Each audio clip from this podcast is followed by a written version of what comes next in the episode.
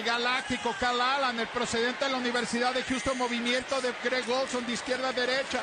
Le entregan a McCaffrey, corre por fuera. ¡Te vas a meter! ¡Te vas a meter! ¡Touchdown! ¡Touchdown! ¡Touchdown! ¡Touchdown! ¡Christian!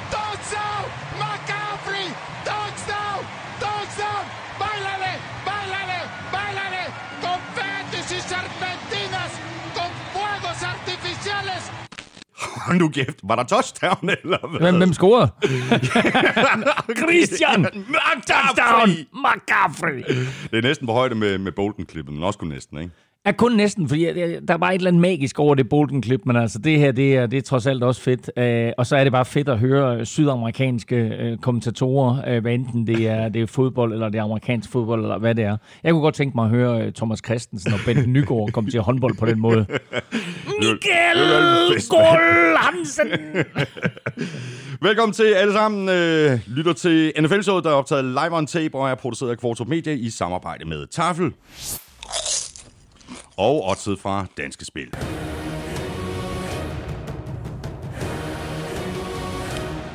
I dag der kan du se frem til en øh, gennemgang af kampene fra uge 5. Vi ser også frem med, mod øh, næste spillerunde, og derudover så får du den øh, sædvanlige dækquiz fra Armstrong, ugen spiller fra Tafel, Otter-quizzen, Crazy Stats fra Willumsen og skarpe spiltip fra Elming. Du kan følge showet på Twitter og på Facebook, og hvis du øh, liker vores øh, Facebook-side, så er du med i kampen om en NFL-rejse til en værdi af 10.000 kroner. Du ved, hvor du finder os. Det er alle de steder, hvor du plejer at hente dine podcasts, plus i den nye abonnements-app Podimo, og så selvfølgelig på øh, google.dk gulklud.dk og på nflsød.dk, hvor der også er et link til tier.dk, hvor du kan støtte os med et øh, valgfrit beløb, hver gang vi uploader en ny episode. I sidste uge, der var der 318 øh, gode mennesker, der havde valgt at gøre det. Nu er vi oppe på 345.000. Tusind tak for støtten. I er med til at sikre, at vi bliver ved med at lave showet. Tak fordi du downloader og lytter og bruger lidt af din tid sammen med os. Tak for de seneste anmeldelser i iTunes. De er sygt gode. Det er det nemlig. Jeg hedder Thomas Bortrup, og her kommer min medvært. Og undskyld, jeg kan ikke lade være.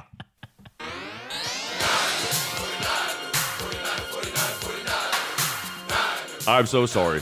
Både for at spille 49ers Fight Song, og for at have lavet det der lille klip Hvor kommer det klip fra? fra sidste uges udsendelse. Der var en af vores gode lyttere, der skrev et uh, tweet og med tidskode og det hele. Så den der med Elming, den kunne man godt lige smække på portet. og hermed gjort.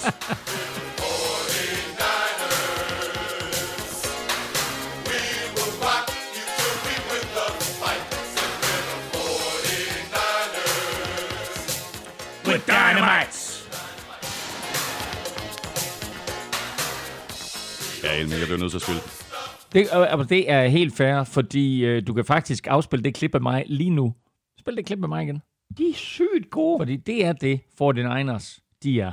De spiller virkelig godt, og det forsvar øh, er... Altså, jeg synes faktisk, deres forsvar er bedre end deres angreb. Jamen, det er det også. Og deres angreb er godt. Det er slet ikke det. Mm. De har nogle, nogle fantastisk fede spillere.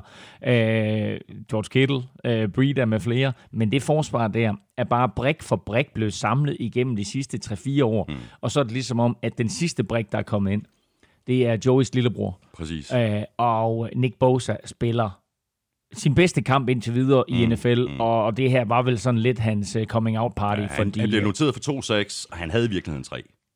Okay. Øh, Lige, lige før pausen, der hvor han laver, laver hvorfor, det der... hvorfor, hvorfor er du bare aldrig tilfreds? Hvorfor kan du aldrig være tilfreds? Ikke? Ej, man kan også mærke, det så sådan ud i real time, at han ikke blev sækket, men han blev rent faktisk sækket. Stil dig nu tilfreds med to. Hvorfor skal du være sådan der? Hvorfor skal du... Jamen, der, du, du har ret, du har ret. Men 2-6. Ja. En forced fumble og en recovered fumble. Øh, stor kamp af ham, og i det hele taget ud over det her, og, og det mulige tredje sag. Masser af pres på. Mm. Øh, hele kampen igennem på Baker Mayfield fra ham, og fra DeForest Buckner og Eric Armstead med flere. De Ford. De, ja, altså, jamen, altså, det her det er bare et mandskab, som... Øh, hvor jeg må indrømme, at jeg havde, og det ved øh, alle, der har lyttet med her, jeg havde min tvivl mm. om Jimmy Garoppolo. Jeg er stadigvæk ikke 100% solgt på ham, skal jeg lige sige. Men jeg havde min tvivl om Jimmy Garoppolo inden sæsonen. Og jeg havde også min tvivl om Kyle Shanahans evner som head coach. Vi vidste, han var en dygtig offensive coordinator, han var i Falcons, hvordan, hvordan ville han være som head coach nu her? Han har været suveræn i de første fire uger. Mm. Øh, og nogle af de ting, som 49ers gør, øh, rent øh, altså, øh, playmæssigt, altså den måde playsen er tegnet op på, er helt igennem vidunderligt. Og øh, i alle de fire kampe, for Niners har spillet indtil videre, de er jo et af, en af fire hold, som kun har spillet fire kampe, fordi mm. de allerede har siddet over. Men i alle de fire kampe, de har spillet, der har de fået spillere fri på et helt uhørt niveau, hvor den nærmeste forsvarsspiller er sådan 10 yards væk. Mm. Og det samme gælder i den her kamp, ikke? Altså, og så har de bare nogle playmakers. Nu øh, kommer vi selvfølgelig til at tale Fort Niners mere senere. Men Kyle Juszczyk øh, bliver, det, bliver, bliver skadet i den her kamp, men inden han bliver skadet, der er han jo en force, og så må jeg bare sige, altså, det her det var også George Kittles ja. bedste kamp indtil ja, videre ja. i år. Han har to plays undervejs, hvor han griber bolden kort af første down. Og øh, i sin tid, der fik Jerome Bettis sit, net, uh, sit net, nickname, uh, The Boss, fordi han løb ned ad banen, og så var der sådan en spiller, der hoppede på, og så røg de af, du ved, ligesom sådan en bus, der samler folk op, og så står de af igen. Og det var, det var Kittle i den her kamp. Altså, hvis der er en The Boss lige nu, så er det George Kittle, fordi folk de hoppede på ham, og så rystede han dem af uh, mm. på, på i hvert fald to af de her plays, hvor han skaffede for første down. Uh, jeg må indrømme, jeg kan faktisk rigtig, rigtig godt lide Fort Niners lige nu. Jeg kan rigtig godt lide at se på dem også. Jeg synes, det er et sjovt hold at se på. Og nu nævner du lige uh, Carl Sandhan, og du nævner uh, Kittle og uh, Joe Staley, uh, der jo er skadet, mm. uh, som normalt spiller left tackle. Mm. Uh, han stod ved siden af Carl Shanahan mm. på det spil, der ender med et touchdown-kast til Kittle. Mm. Før bolden bliver snappet, mm. siger Carl Shanahan ifølge Joe Staley, touchdown, og så vender han rundt, og så er der touchdown. Mm. Det synes jeg er overlangt. Ja, ja det, altså, du, du skal jo ikke øh, sætte mig selv i samme bås som, øh, som Kyle Shanahan, men jeg har faktisk gjort præcis det samme.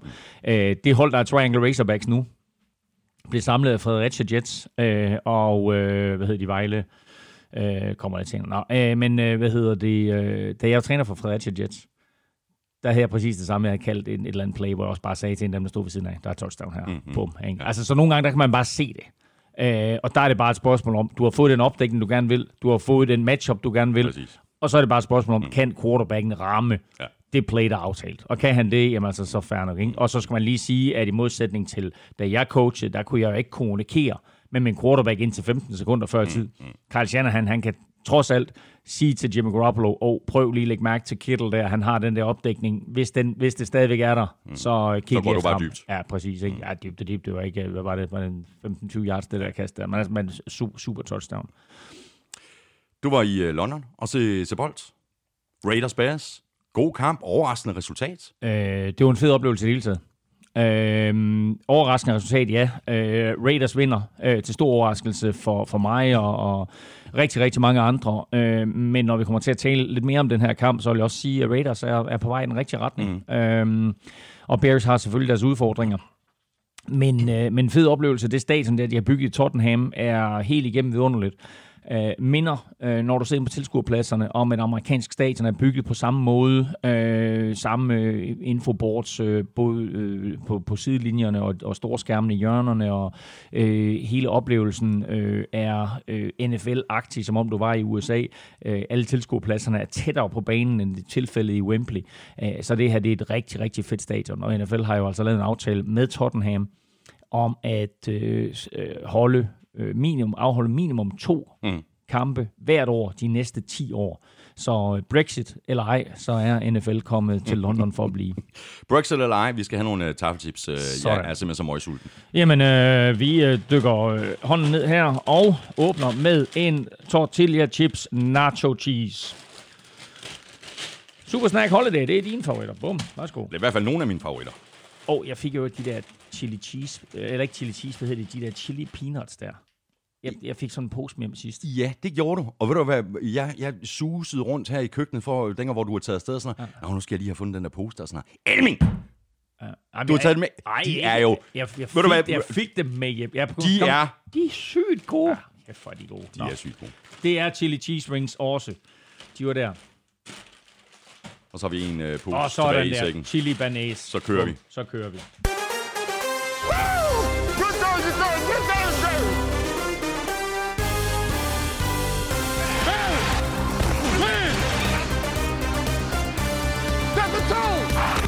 Hvis fjerde spillerunde i årets NFL var vild, så var femte spillerunde det i den grad også. Vi fik nogle kæmpe overraskelser med Raiders sejr over Bears, Colts over Chiefs og Broncos over Chargers.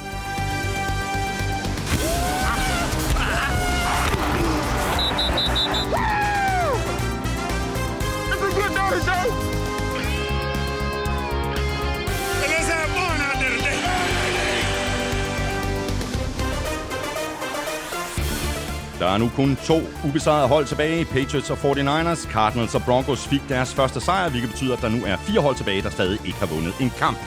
Jets, Dolphins, Bengals og Redskins. Jeg hedder Thomas Kvartrup, og med mig har jeg Claus Elming. Give me one now, folks. Give me one, give me one.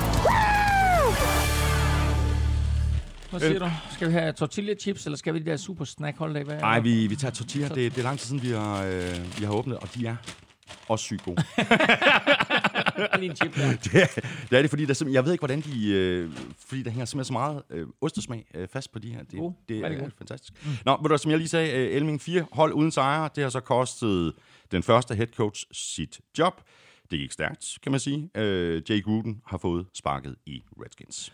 Det må man sige. Og øhm, han bliver altså gjort til skurk her, øhm, i et spil, hvor der jo er, er, er flere skurke end lige ham. Øhm, han, har, han har haft det svært, ikke mindst til betragtning af, at hans spillertrup jo er blevet decimeret mm. øh, mere eller mindre øh, inden den her sæson, og også gennem sidste sæson. Det hele det startede vel sagtens med, at Alex Smith blev skadet, fordi på det tidspunkt, hvor Alex Smith blev skadet, der var de altså 5 og 2 Ja. og førte NFC East foran Cowboys, foran Eagles. Og så bliver Alex Smith skadet, og så går det ned ad bakke øh, derfra. Øh, det går faktisk så meget ned ad bakke, så de på et tidspunkt er nødt til at sætte bot fumble mark ind. Mm. Og øh, så må man sige, de draftede en running back sidste år i Darius Guys, som de har store forhåbninger til. Han bliver skadet i sit første år, han bliver også skadet i sit andet år, så har vi slet ikke set på banen endnu. Øh, Trent Williams, den øh, dygtige øh, offensive tackle, øh, er i en holdout stadigvæk. Øh, ham har de ikke set skyggen af. De har haft skader øh, på forsvaret, øh, og der øh, har i det hele taget været mangel på talent på mange positioner på det mandskab her. Så er det Jake Grudens skyld det hele? Nej, det er det ikke. Har han et, et vist ansvar? Ja, naturligvis har han det, men han kan ikke lastes for det her. Men du kan heller ikke fyre 53 spillere, og du går ikke ud og fyre en ejer, selvom der er mange øh, Redskins-fans, der råber øh, efter Daniel Snyders hoved. Mm. Øhm, og så har du Bruce Allen, som er, er øh, øverste øh, chef for hele foretagendet, øh, lige under Daniel Snyder. Øh, og han fyrer heller ikke sig selv. Mm. Så, øh, så det her, det var, det var den mand, der kunne fyres. Og øh, de skal have en salgfandsindsprøjtning, men som mange spillere har været ude at sige anonymt, så øh, var det ikke Jake Ruden, der var problemet. Nej. Michael øh, Dahl øh, Grydgaard øh, skriver sådan her, hvorfor fyre Jay Gruden? Øh, Redskins har da spillet okay, hvis man ser på det materiale, de har til rådighed, eller er det bare mig? Jeg er ikke fan af dem eller noget overhovedet, men synes bare ikke, at det er fair over for ham. Tænker, at øh, Freddy Kitchens havde været mere oplagt med alt det, de satser i Cleveland. Ja, man kan så sige, hvis du ser på, øh, på det samlede antal øh, vundne kampe og tabte kampe for Jake Gruden i, i de fem og et halvt år, han har været med Redskins, ikke, så har han vundet 35 kampe og tabt 49, og så spille en enkelt uafgjort. Øh, og det taler også et vist sprog, ikke et tydeligt sprog, men det taler et vist sprog om, at han har ikke haft succes, mens han har været der. Der har været glimtvis øjeblikke, hvor de har spillet virkelig godt, og hvor de er på vej i den rigtige retning. Og hvor man har tænkt, okay, jamen altså, øh, Jay og John øh, Gruden der, de kan et eller andet. Men, øh, men Jay har aldrig fået helt det samme ud af det, som, øh, som broren John øh, Gruden. Og øh, du fyrer ikke Freddie Kitchens, selvom det han gør i øjeblikket i Cleveland ikke er specielt godt, så fyrer du ham ikke øh, fem kampe ind i en sæson. Øh, Jay Gruden har trods alt haft fem og et halvt år, og der skulle bare ske et eller andet, mm. og som vi lige ridsede op før, så er der mange faktorer, som han ingen indflydelse har haft på, som gør, at de nu står i den situation. Spørgsmål her fra Søren Nikolaj Andersen. Øh, hvor lang tid går der, før vi ser Jay Gruden i Raiders? Ja, det er et vidunderligt spørgsmål. Hjem Godt til. Ja, lige nøjagtigt. Øhm, jamen, der er der ikke nogen, der siger, at Jay Gruden han ikke øh, ryger ind og bliver en eller anden form for offensive assistant for, øh, for, for John Gruden. Øh, det kunne da være sjovt at se de to sammen. Mm. Øh, så vi, øh, vi har før set øh, brødre, trænere, øh, tage, øh, give sig selv den her mulighed for at, at træne sammen, som måske giver øh, John Gruden, måske giver han Jay Gruden chancen for, at de to kan arbejde sammen. Spørgsmålet er så, hvem er den næste øh, head coach, der ryger, Elming? Fordi jeg, jeg, tror, jeg tror ikke, det bliver Brian Flores i, øh, i Dolphins. Hvad med Adam Gase? Jamen altså, nu, nu nævner du jo førsteårscoaches, og øh, det er jo sjældent, at vi har, vi har haft, det er jo vildt nok, at vi er fem uger inde i sæsonen, og nu er det tredje gang, at vi har det her op at vinde mm. med førsteårscoaches. Fordi første gang, vi havde det op at vinde, der sagde man, at det, man, man fyrer bare ikke en, en førsteårscoach. Men Freddie Kitchens ser ikke god ud. og Adam Gaze ser slet ikke god ud i, i, i New York Jets. Øh, Adam Gaze er jo så også i, med den udfordring, ikke, at, at han jo også har et meget skadespladet mandskab, og jo selvfølgelig har mistet sin quarterback. Mm, mm. Men øh, vi har ikke set meget til en Bell, og, og, og, og, og, og der er mange andre, som, som vi lidt savner det, hvor de er henne og så videre. Er, er, det dem, er, er det fordi Sam Darnold mangler, at vi ikke ser dem, eller er det systemet, som ikke fungerer? Øhm, så har vi en, en, øh, hvad hedder det, en Luke Falk, som er kommet ind som backup quarterback, og vi nævnte jo i sidste uge, at den vigtigste position på et mandskab, det er backup quarterback, og Luke Fork, han er bare ikke pt. en NFL-kaliber quarterback, på trods af, at han jo er draftet med øh, draft pick nummer 199, det legendariske Tom Brady øh, draft pick nummer, så er han altså, lever han ikke helt op til det der tidligere draft pick nummer 199. Lad os så bare lige øh, tale om noget andet, Elming. Lad os Jeg, bare jeg lige... vil bare lige, bare lige runde et par ting af, for der er, lidt, øh, der, der er et par små ting her, som jeg synes er, lidt sjovt lige at pointere. Og det er ikke mindst Bill Callahan, som øh, overtager nu for Jake Gruden. Fordi Bill Callahan øh, var øh, af titel offensive line coach og øh, assistant head coach. Mm. Han har tidligere overtaget for Gruden. Vel at mærke, John Gruden. Fordi i øh, 2002, da John Gruden blev traded, traded mm-hmm. til Tampa Bay, Kæmpe trade. Præcis. Der overtog Bill Callahan jo, hvis du kan huske det. Oakland Raiders. Nej, det kunne jeg faktisk ikke huske. Og året efter, der stod han i Super Bowl med Oakland Raiders imod John Gruden og Tampa Bay Buccaneers i den såkaldte Pirate Bowl. Mm. Raiders mod Buccaneers. Det var Rich Gannon året.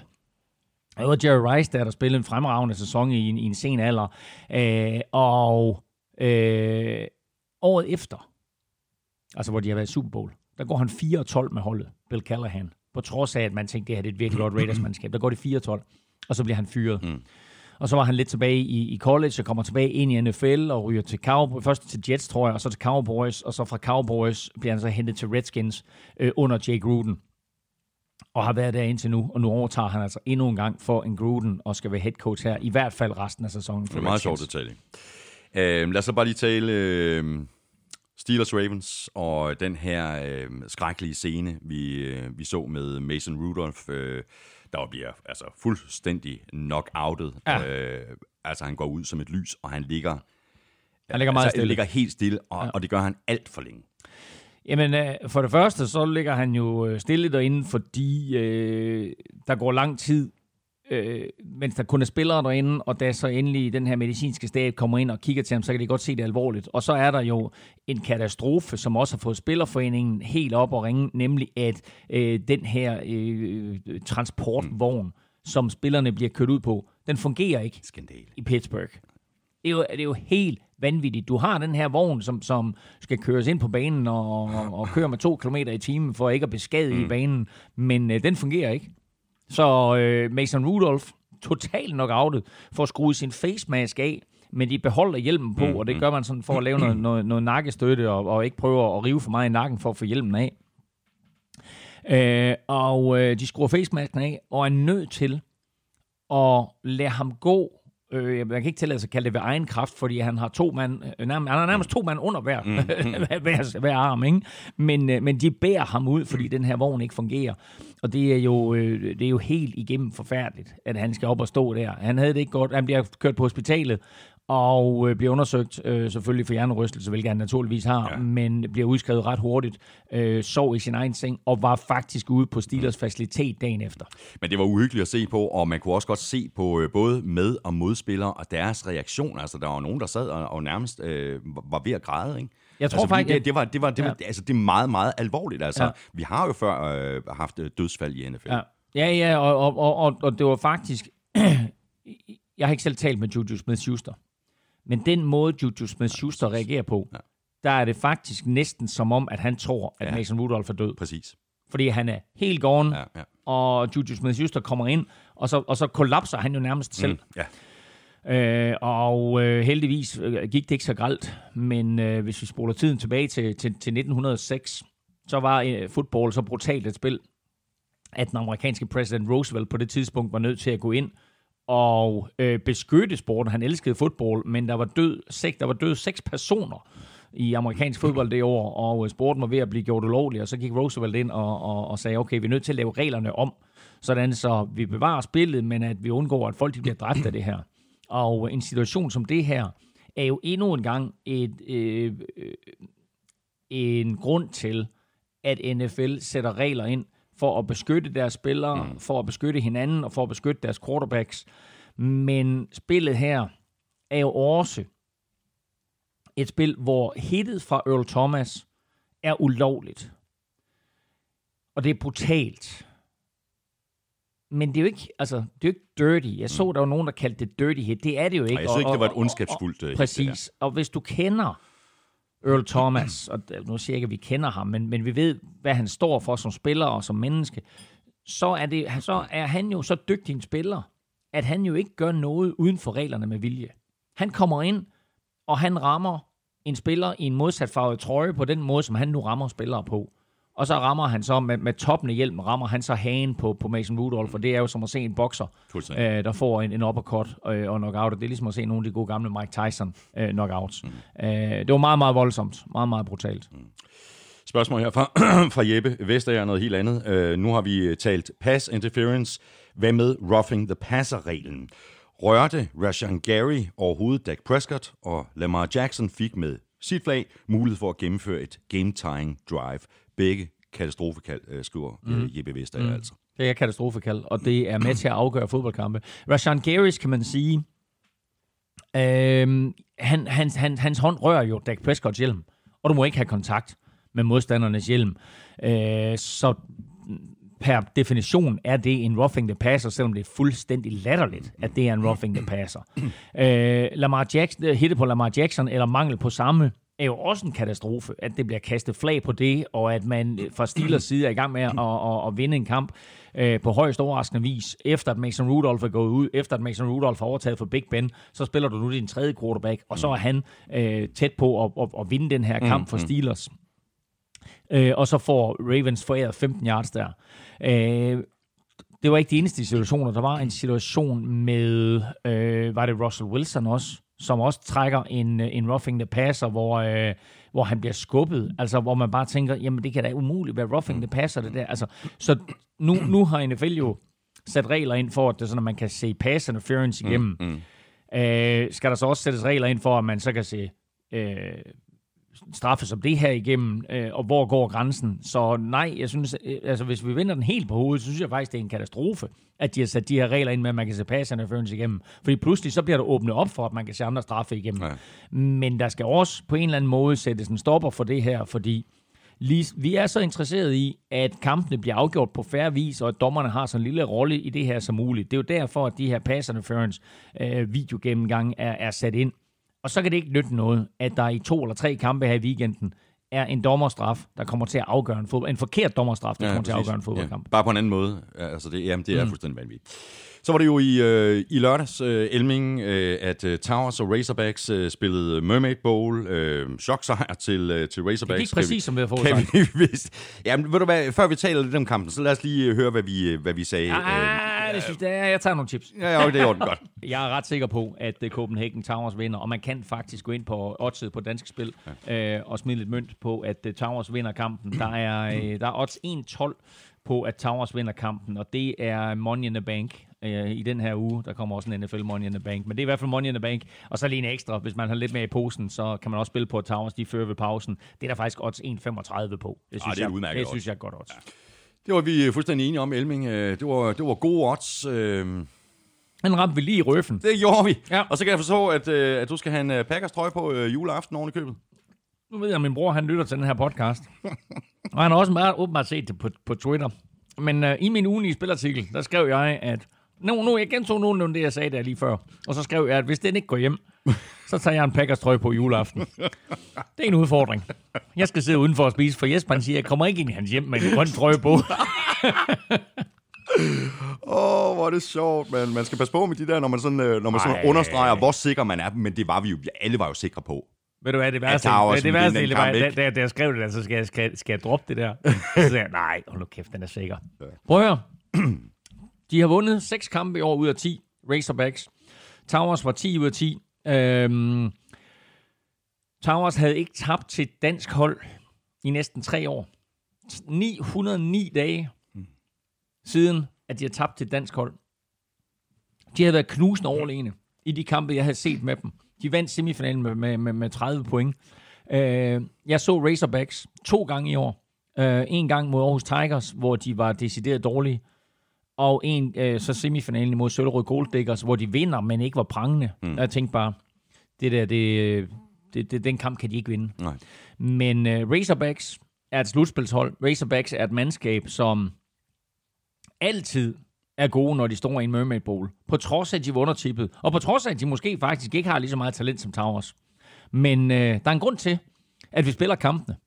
Præcis. Og det her, det er en af grundene. Og det her, det er øh, en af de største sensationer i øh, dansk-amerikansk fodbolds historie.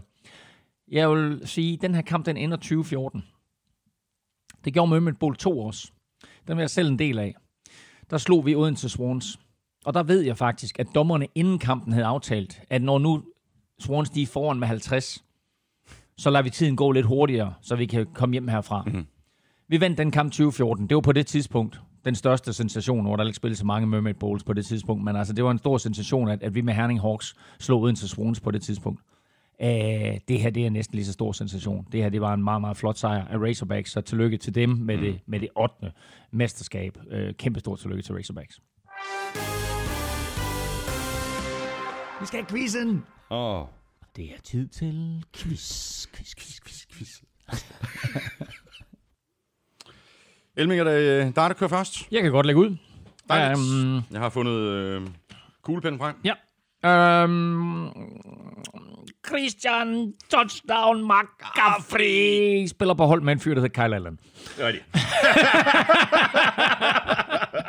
Og kæft, hvis vi skal sige det der hver gang, vi skal sige...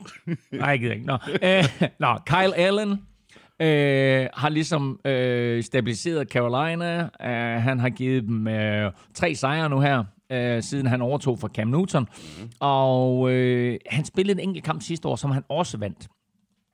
Og dermed så er han faktisk den første undrafted quarterback, som vinder sine fire første kampe. Undrafted. Vinder fire første. Han er det en sidste år, tre år. Han er undrafted, vinder sine fire første kampe. Han er den første quarterback, der vinder sine fire, altså første undrafted quarterback, der vinder sine fire første kampe. Siden hvem? Hvem var den sidste undrafted quarterback, der vandt sine fire første kampe? Can't do it. Og det tror jeg faktisk godt, det, det svar der, det vil jeg holde fast i, er fuldstændig blank lige nu. Okay, men du Det er, har... godt, der, ja, men det er godt, der er lang tid Ja. til, at, øh, at vi skal omkring quizzerne igen. Nå, godt. Ved du hvad, øh, nu får du øh, det quizzen her fra øh, Søren Armstrong, øh, nyder sådan her. 2019 er NFL's reprise, 90'erne tilbage med Niners og Bills uden krise. Montana, Rice, Jim Kelly var stadig nu Jimmy, Josh og, nå ja, Frank Gore er der stadig. Er det egentlig snyd, at Colts er så gode? De er måske bedre med Lock helt ude. Mahomes præsterede laveste nogensinde. Hvilken score var hans laveste inden? Altså, før kampen mod Coles med 13 point, mm. hvad var da det laveste antal point, som Mahomes har sat på tavlen i sine hidtidige starter? Og så svært spørgsmål. Ja, men jeg tror godt, jeg ved det. Er det rigtigt? Ja, det, er seks- godt, I- det er godt irriterende. Ja, nu siger jeg bare 26, og så holder vi fast i den, når vi kommer dertil. Men, Stærkt. Stærkt. Det er spændende. Jeg kan ikke engang huske, hvad, hvad svaret er, fordi øh, jeg var også nødt til at lige at look it up, øh, da jeg modtog øh, det quizzen fra, fra Armstrong øh, i aftes. Så hopper vi i, øh, i kampene. Vi begynder med en, øh, en overraskelse. Øh, Broncos øh, fik deres første sejr i år, og det gjorde de ovenikøb på udebane over Chargers med 2013. Øh, Broncos førte med 17-0 sent i tredje kvartal, og så blev det faktisk alligevel lidt spændende. Ja, øh, jeg var på stadion i Los Angeles sidste år, da Chargers var rigtig godt kørende og havde besøg af et middel mod Denver Broncos hold. Chargers var store favoritter, og Broncos kommer alligevel ind og besejrer Chargers.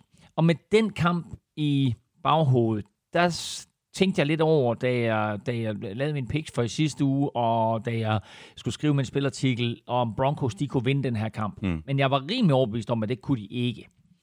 Og så går de alligevel ind, og så dominerer de faktisk fra start til slut. Mm. Sidste år vandt de med et field goal i sidste sekund af, af Brandon McManus. I den her uge, der øh, er de langt foran, og Chargers skal levere et eller andet comeback, som, som så ikke øh, lykkes for dem. Men øh, det her, det var igen Øh, Philip Lindsay, som det også var sidste år, mm. som øh, var en, en, øh, en lille bitte enmandsherre, en øh, raketsmølf, som øh, Chargers havde meget svært ved at håndtere. Og så er der en ting, der irriterer mig, og nu har jeg sagt det mange gange igennem de her år, vi har lavet NFL-showet, og det er at tage de point, der ligger mm. lige foran dig tidligt i kampen. Og bagud, er det bagud 14-0 eller 17-0 ved pausen, der, øhm, der, har, der har Chargers bolden på 3 linjen Der er 5 sekunder tilbage, de har fjerde down, og så vælger de at gå efter den. Og giver bolden til Austin Eckler, der er meget, meget tæt på at komme ind, men han fumbler, og så slutter halvlejen, uden at Chargers kommer på tavlen. Ja, du vil selvfølgelig gerne øh, ind til pause med et touchdown.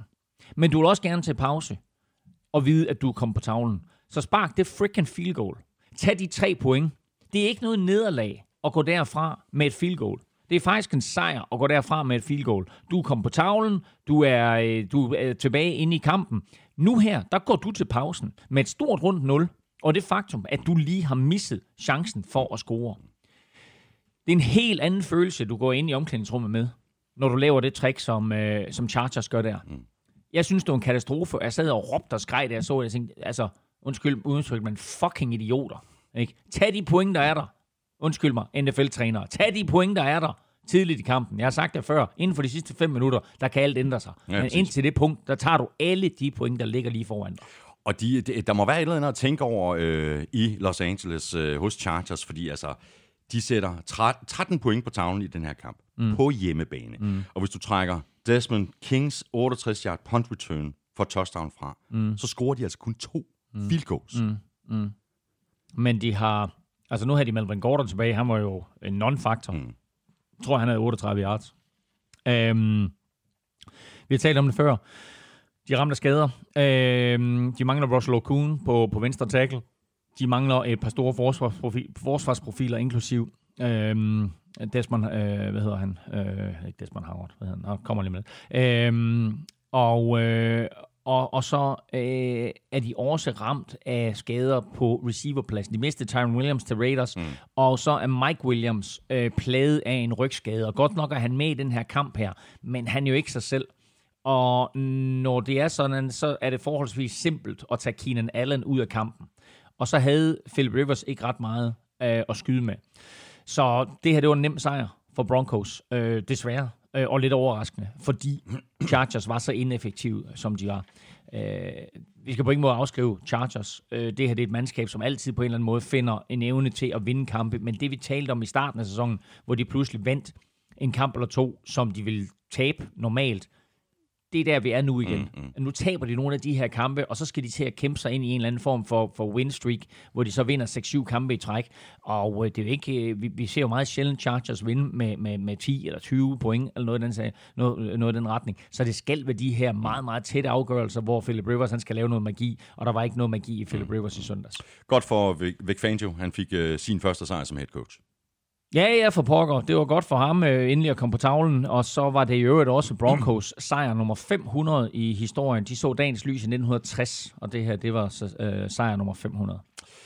Chargers, de er 2-3. De spiller hjemme mod øh, Steelers. Broncos, de er 1-4, og de spiller hjemme mod Titans. Så Broncos har altså fået deres øh, første sejr i år, og så var spørgsmålet, om det skulle være Cardinals eller Bengals. Dervin, der vil... Dervin James, undskyld. Han var helt væk. Jeg havde Desmond Howard ind i hovedet. Dervin James hed Sådan, ja. Safety han, ja, ikke? Ham mangler de i ja, den grad. Præcis. Ja, præcis. Sorry. Nå, undskyld. Jamen, det gør ikke noget. Øhm, Spørgsmålet var så, om det skulle være Cardinals eller Bengals, der ville følge trop og få deres første øh, sejr, altså ligesom altså Broncos øh, fik deres første. Og det blev altså Cardinals, der trak det længste strå, 26-23 endte kampen i Cincinnati, efter at øh, Andy Dalton havde gjort den øh, lidt spændende til sidst, men øh, blandt andet på baggrund af et øh, rigtig godt løb fra rookie quarterback Kyler Murray, der kunne øh, St. Gonzalez sparke det afgørende field goal op mellem stængerne. Og jeg synes faktisk ikke, at den her kamp den var lige så tæt som øh, tallene. Måske, Nej, det, det, det blev den jo, fordi Cardinals på en eller anden måde formåede at formøble en kæmpe føring. Øh, men, øh, men, men det, jeg tager med mig fra den her kamp, det er, at i det øjeblik, og her snakker vi kamp 5, i det øjeblik, at Cliff Kingsbury, head coach, rookie head coach for Cardinals, indså, at det kan måske godt betale sig at løbe bolden lidt mere i NFL, end jeg har været vant til fra college. Mm. I det øjeblik, at han indså det, der fik Cardinals deres første sejr. De løber for 266 yards i den her kamp, Cardinals. De øh, 159, de kommer fra David Johnson og Chase Edmonds, og nærmest resten kommer fra Kyler Murray. Mm. Og selvfølgelig har vi talt om det her med, at Kyler Murray har store problemer med at løbe fra folk, når han løber ud sidelæns, som han kunne gøre i college. Det her, det var en kamp, hvor Kyler Murray løb meget mere fremadrettet. Han så huller i lommen, og så stak han af. Og nu jeg tror jeg, har sagt det hver gang, vi har talt om Kyler Murray. Jeg er så imponeret over hans fart. Altså, den acceleration, han har, mm. øh, er vildt imponerende. Han er en super atlet, og så skal man også lægge mærke til, at han jo er, er, er en lille lort, ikke? Øh, og det betyder også, at når han så løber op igennem, så kan han for det første være meget svær at få øje på, før han er forbi linjen. Og når han så er forbi linjen, så skal man lige lynhurtigt reagere til, hold op, der kom, øh, der kom øh, lige en eller anden spirvip løbende forbi mig der. Og når han så slider, så har han jo ikke ret langt ned til jorden til at slide. Nogle af de andre højere quarterbacks, de har jo lidt længere mm. ned til jorden. Her, han løber bum, bum, bum, og så slider han, og så er det play overstået. Mm. Det går meget, meget stærkt, og det er meget imponerende at se på. øhm, er det måden, Cardinals skal vinde kampe på. Ja, det er måske måden, de skal vinde kampe på lige nu. Er det måden, de skal vinde på i fremtiden? Nej, det er det ikke, for så kommer han til skade, ham den der spirvip. Men det er i hvert fald effektivt, den måde, de flyttede bolden på her imod Bengals. Det er også en billig baggrund, fordi Bengals efter to øh, fremragende spiluger til at starte sæsonen er faldet helt fra hinanden. Men øh, jeg synes, at, øh, at der var positive tendenser, ikke mindst, at Cliff Kingsbury lænede sig lidt mm, mere op mm, af løbeangrebet. Og nu fik uh, Kingsbury så sin uh, første sejr i, uh, i NFL, uh, ligesom uh, Vic Fangio uh, fik sin første sejr som head coach. Zach Taylor har stadig sin første sejr til gode. Og i forhold til Zach Taylor, fem nederlag, altså rosteret i Cincinnati, er der ikke så meget dårligere i år, end det var sidste år. Så og øh, trænerstaben var udskilt i, i, i Cincinnati, og de lavede øh, skiftet. Mm. Men øh, forløb er det ikke øh, blevet til det bedre. Nej, altså igen, øh, en af de her anonyme enheder, som er så vigtigt, det er den offensive linje, og den er ikke specielt god for, øh, for, for Bengals. Øh, for det første starter de nogle spillere, som ikke vil kunne starte på ret mange hold i NFL, og for det andet, så øh, har de jo draftet blandt andet en Jonah Williams, som bliver skadet inden sæsonen, og, og skulle have været med til at stabilisere den her linje. Han er der ikke. Øh, så mangler de receiver, AJ Green, mm. og øh, selvom vi har set nogle ting fra andre receiver, så, øh, så må vi sige, at, øh, at nu John Ross også skadet og så videre, så det er jo ikke nemt for Andy Dalton at, at spille fodbold i det her angreb. Tyler Eifert er der ikke, og så videre. Mm. Så, så altså, det, det, det, det, er, det, det er svært for, for Bengals at flytte bolden, selvom de jo faktisk ender med at lave et, et fint comeback. Mm. Og så øh, vil jeg sige, alle de, alle de gode takter, vi så fra Bengals forsvar i starten af sæsonen, de er røget lidt fløjten. Øh, og det, øh, det, det, det er selvfølgelig ikke en god kombination, når du hverken kan spille angreb eller spille forsvar. Så får du svært ved at vinde fodboldkampe. Men øh, der er, øh, og jeg synes faktisk, at der er en del talent på det her Bengals-mandskab. Men der er det spørgsmål om at få sorteret øh, alle de dårlige vindruer fra, og så beholde alle de gode vindruer, og så forlade noget god vin, ikke i mm, år, mm, men til næste år. Mm. Spørgsmålet nævner du lige uh, øh, AJ Green. Jeg kunne godt forestille mig, at han blev traded i år. Han, har, han, er, han er på sit sidste, sidste år i sin kontrakt.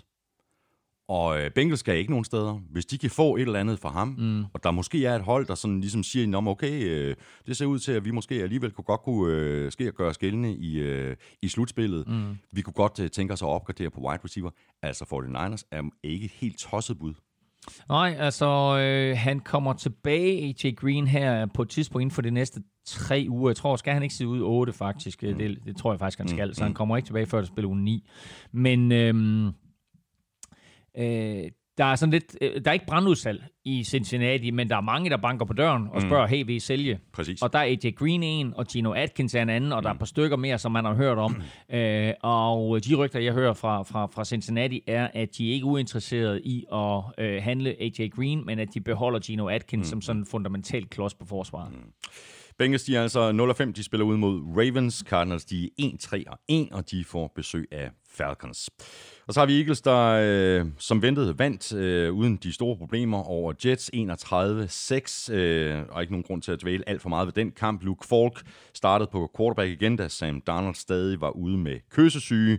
Og så har øh, Jets altså ikke ret meget at skyde med. Øh, Falk blev sækket 10 gange, han fumblede to gange og kastede for 120 yards og to interceptions og en af de interceptions blev returneret til touchdown, og en af de fumbles blev returneret til touchdown, og dermed så vandt Eagles forsvar 14-6 over Jets, og, øh, og Eagles som hold øh, vandt med, hvad var det, 31-6, ikke?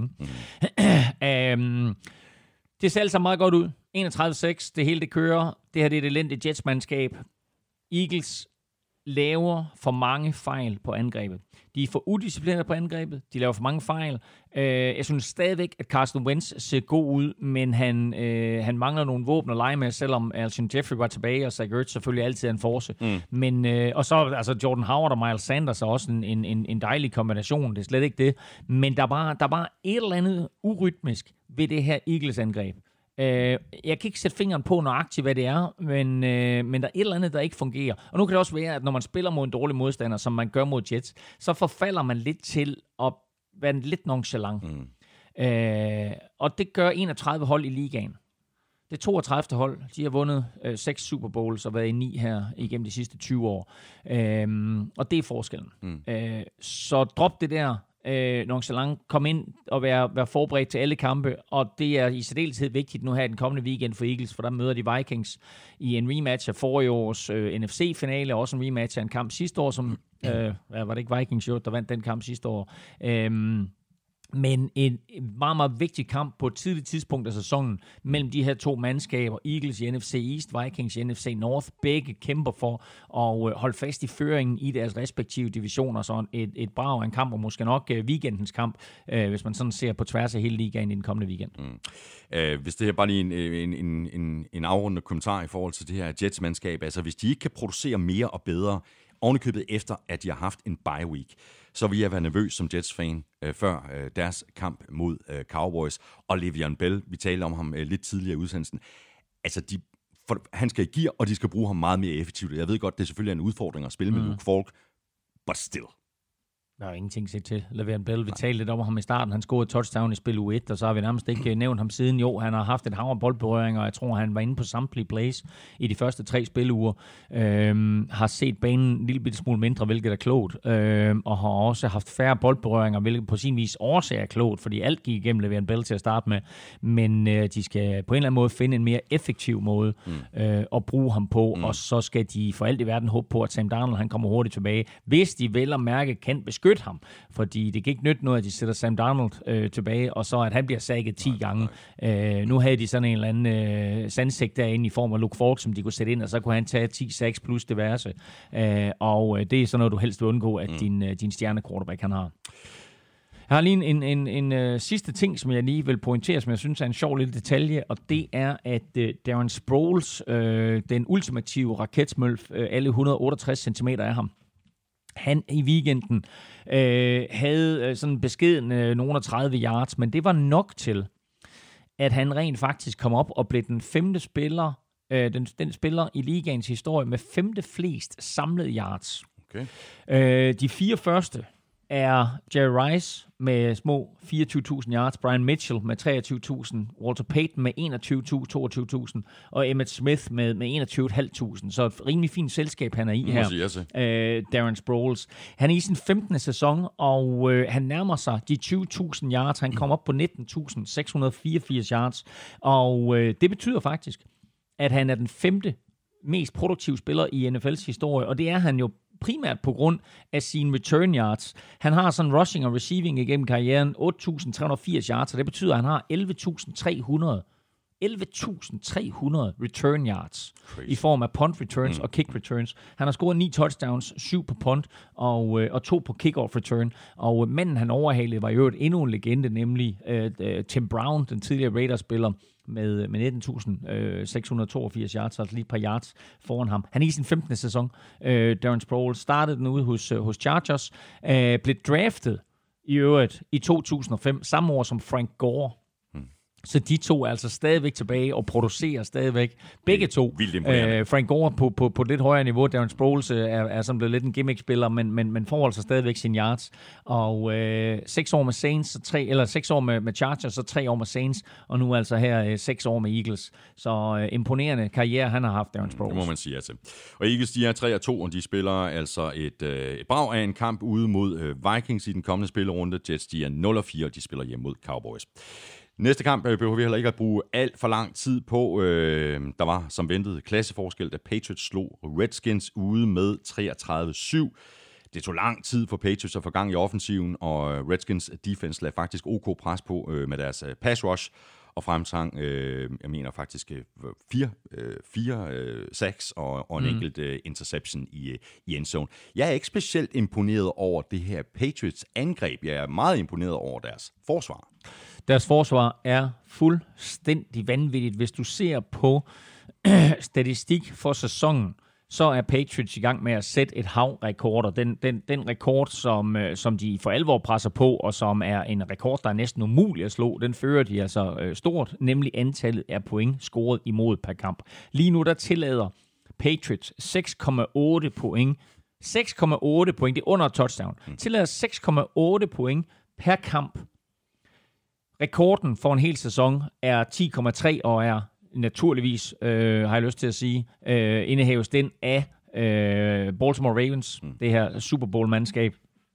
Og øh, så kan man kigge lidt på, på hvem, hvem de har spillet mod øh, Patriots, og det er klart, at, at de har haft øh, fire af deres fem modstandere har været forholdsvis nemme. Øh, de fire af modstanderne har øh, lige nu vundet en kamp til sammen ud af 18 mulige, 1 og 17 til sammen. Ikke? Og så mødte de Bills, som de selvfølgelig slog, øh, men et, det er også et Bills-mandskab, som, altså, som er 4-1 selvfølgelig, så det er det bedste mandskab, de mm. har mødt. Men Bills er jo ikke et mandskab, der scorer mange point. Nej. Så på den måde, der kan man sige, der er den her statistik måske pumpet lidt op i øjeblikket, ja. at de modstandere, de har spillet imod, men det er stadigvæk vanvittigt imponerende i NFL at have efter fem kampe til at 6,8 ja, ja, point. Der, der er overhovedet ikke nogen tvivl om. Men bare lige i forhold til deres, øh, deres schedule her, og hvor stærke de i virkeligheden er, Patriots. Fordi de ligger jo, altså hvis, øh, hvis man kigger på alle mulige statistikker, så, ved, så ligger de øverst, og mm, mm. alle siger, at det her det er selvskrevet til, og, og de, de havner nærmest øh, i, i Super Bowl allerede. Ikke? Øh, jeg har dem også som favoritter fra, fra AFC til, til, ja, måske sammen med Chiefs.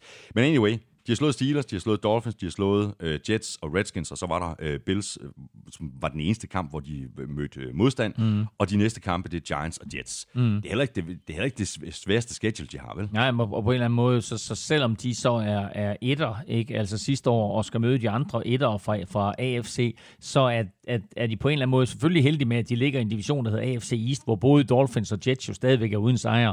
Øh, Bills er heldigvis kommet efter det, og, og, og, og øh, når vi lige om lidt taler Bills, så gennemgår jeg også lige, hvem, hvem de har i de kommende spilrunder, fordi øh, de, de kan altså også godt. Øh, det er faktisk sådan, altså, nu springer jeg lidt i det, men, men, men, men Bills kan faktisk holde trit med Patriots, sådan så når, vi, når, når de to mandskaber skal mødes igen, så kan det faktisk gå hen og blive rigtig interessant omkring, om, øh, om, om hvem der vinder AFC East. Lige nu ligger den selvfølgelig øh, naturligvis mm. til, til, til Patriots, også på den schedule, de har. Men, øh, men de er matchet med, med NFC East, Øh, og øh, det er jo altså det er jo altså Giants blandt andet, men så er det Eagles, og det er Cowboys, øh, og, øh, og, og Redskins, ikke? Og Redskins har de mødt og knust, men altså de der kampe mod, mod Cowboys og Eagles skulle der forhåbentlig komme, øh, komme, mm. komme lidt spænding øh, i udfaldet. Mm. Men øh, som du lige sagde, altså de, er, de er suveræn nummer et på forsvaret, de er nummer et imod kast, de er nummer 4 øh, imod løb. De fører ligaen øh, i turnovers. Og så en, en statistik, som, som jeg synes er øh, helt igennem vanvittigt, men jo også siger noget omkring den modstand, de har mødt, det er, at de fører ligaen i tredje down procent på forsvaret. Det vil sige, hvor mange gange øh, tvinger de modstanderne til at gå efter på fjerde down eller til at ponde. Mm. Der er de tilladt, at tredje down bliver konverteret til første down på 12,2 procent. Fuldstændig absurd. Det vil sige 87,8 procent fører til punt eller fjerde down. Det er hands down et vanvittigt tal. Det er helt crazy. Det er helt crazy. Ja. Sidste lille ting øh, i forhold til øh, Redskins. Øh, de startede deres øh, tredje quarterback i år, Colt McCoy. Han kunne heller ikke få noget til at ske.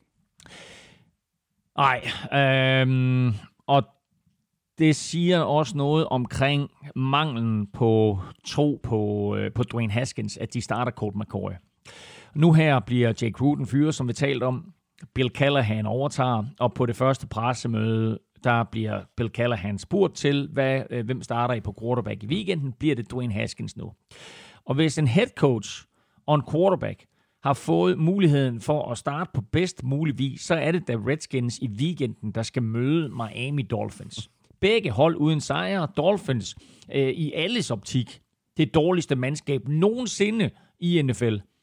Skulle Redskins ikke gå ind og så vinde den kamp og gøre det med deres unge quarterback. Men Bill Callahan, uden at smide Dwayne Haskins ind under bussen, siger med få ord, han er ikke klar. Han siger, vi skal tanke noget selvtillid i ham, og vi skal give ham nogle plays, som han tror på, og som han er komfortabel med. Mm. Når man siger sådan noget, så er der et eller andet helt galt. Men han så heller ikke godt ud, vel? Jamen, han så ikke godt ud i forrige uge. Selvfølgelig gjorde han ikke det. Kastet tre interceptions på 17 kast, så altså selvfølgelig så han ikke godt ud. Men altså, tænk, tænk på, hvad, hvad Giants har fået i Daniel Jones, mm. som når vi taler om dem lige om lidt, selvfølgelig heller ikke så specielt godt ud mod Vikings, men det er, hvad det er. Du er en Haskins her. Det var, det var, det var redningsmanden, ikke? Det var ham, der skulle komme ind. Han skulle, være, han, han skulle være fremtidens quarterback. Mm. Øh, der Det kan han også nå at blive, men bare ikke i år. Det tror jeg ikke. Lad os se, uh, lad os se hvem, uh, hvem Bill Callahan han, uh, hænger sin hat på her. I Tank Bowl. I, i Tank Bowl uh, imod, imod Miami Dolphins. Ja, Redskins, de er altså 0-5. De skal til Miami og spille den her bundskraber øh, mod øh, Dolphins. Og, Patriots, og er, de man, er man i området, så kan man faktisk på det sorte marked købe billetter til den vanvittige pris af 20 dollars stykket. Uh! Patriots, de er 5-0, og de øh, spiller hjemme mod øh, Giants, og det gør de allerede øh, natten til øh, fredag.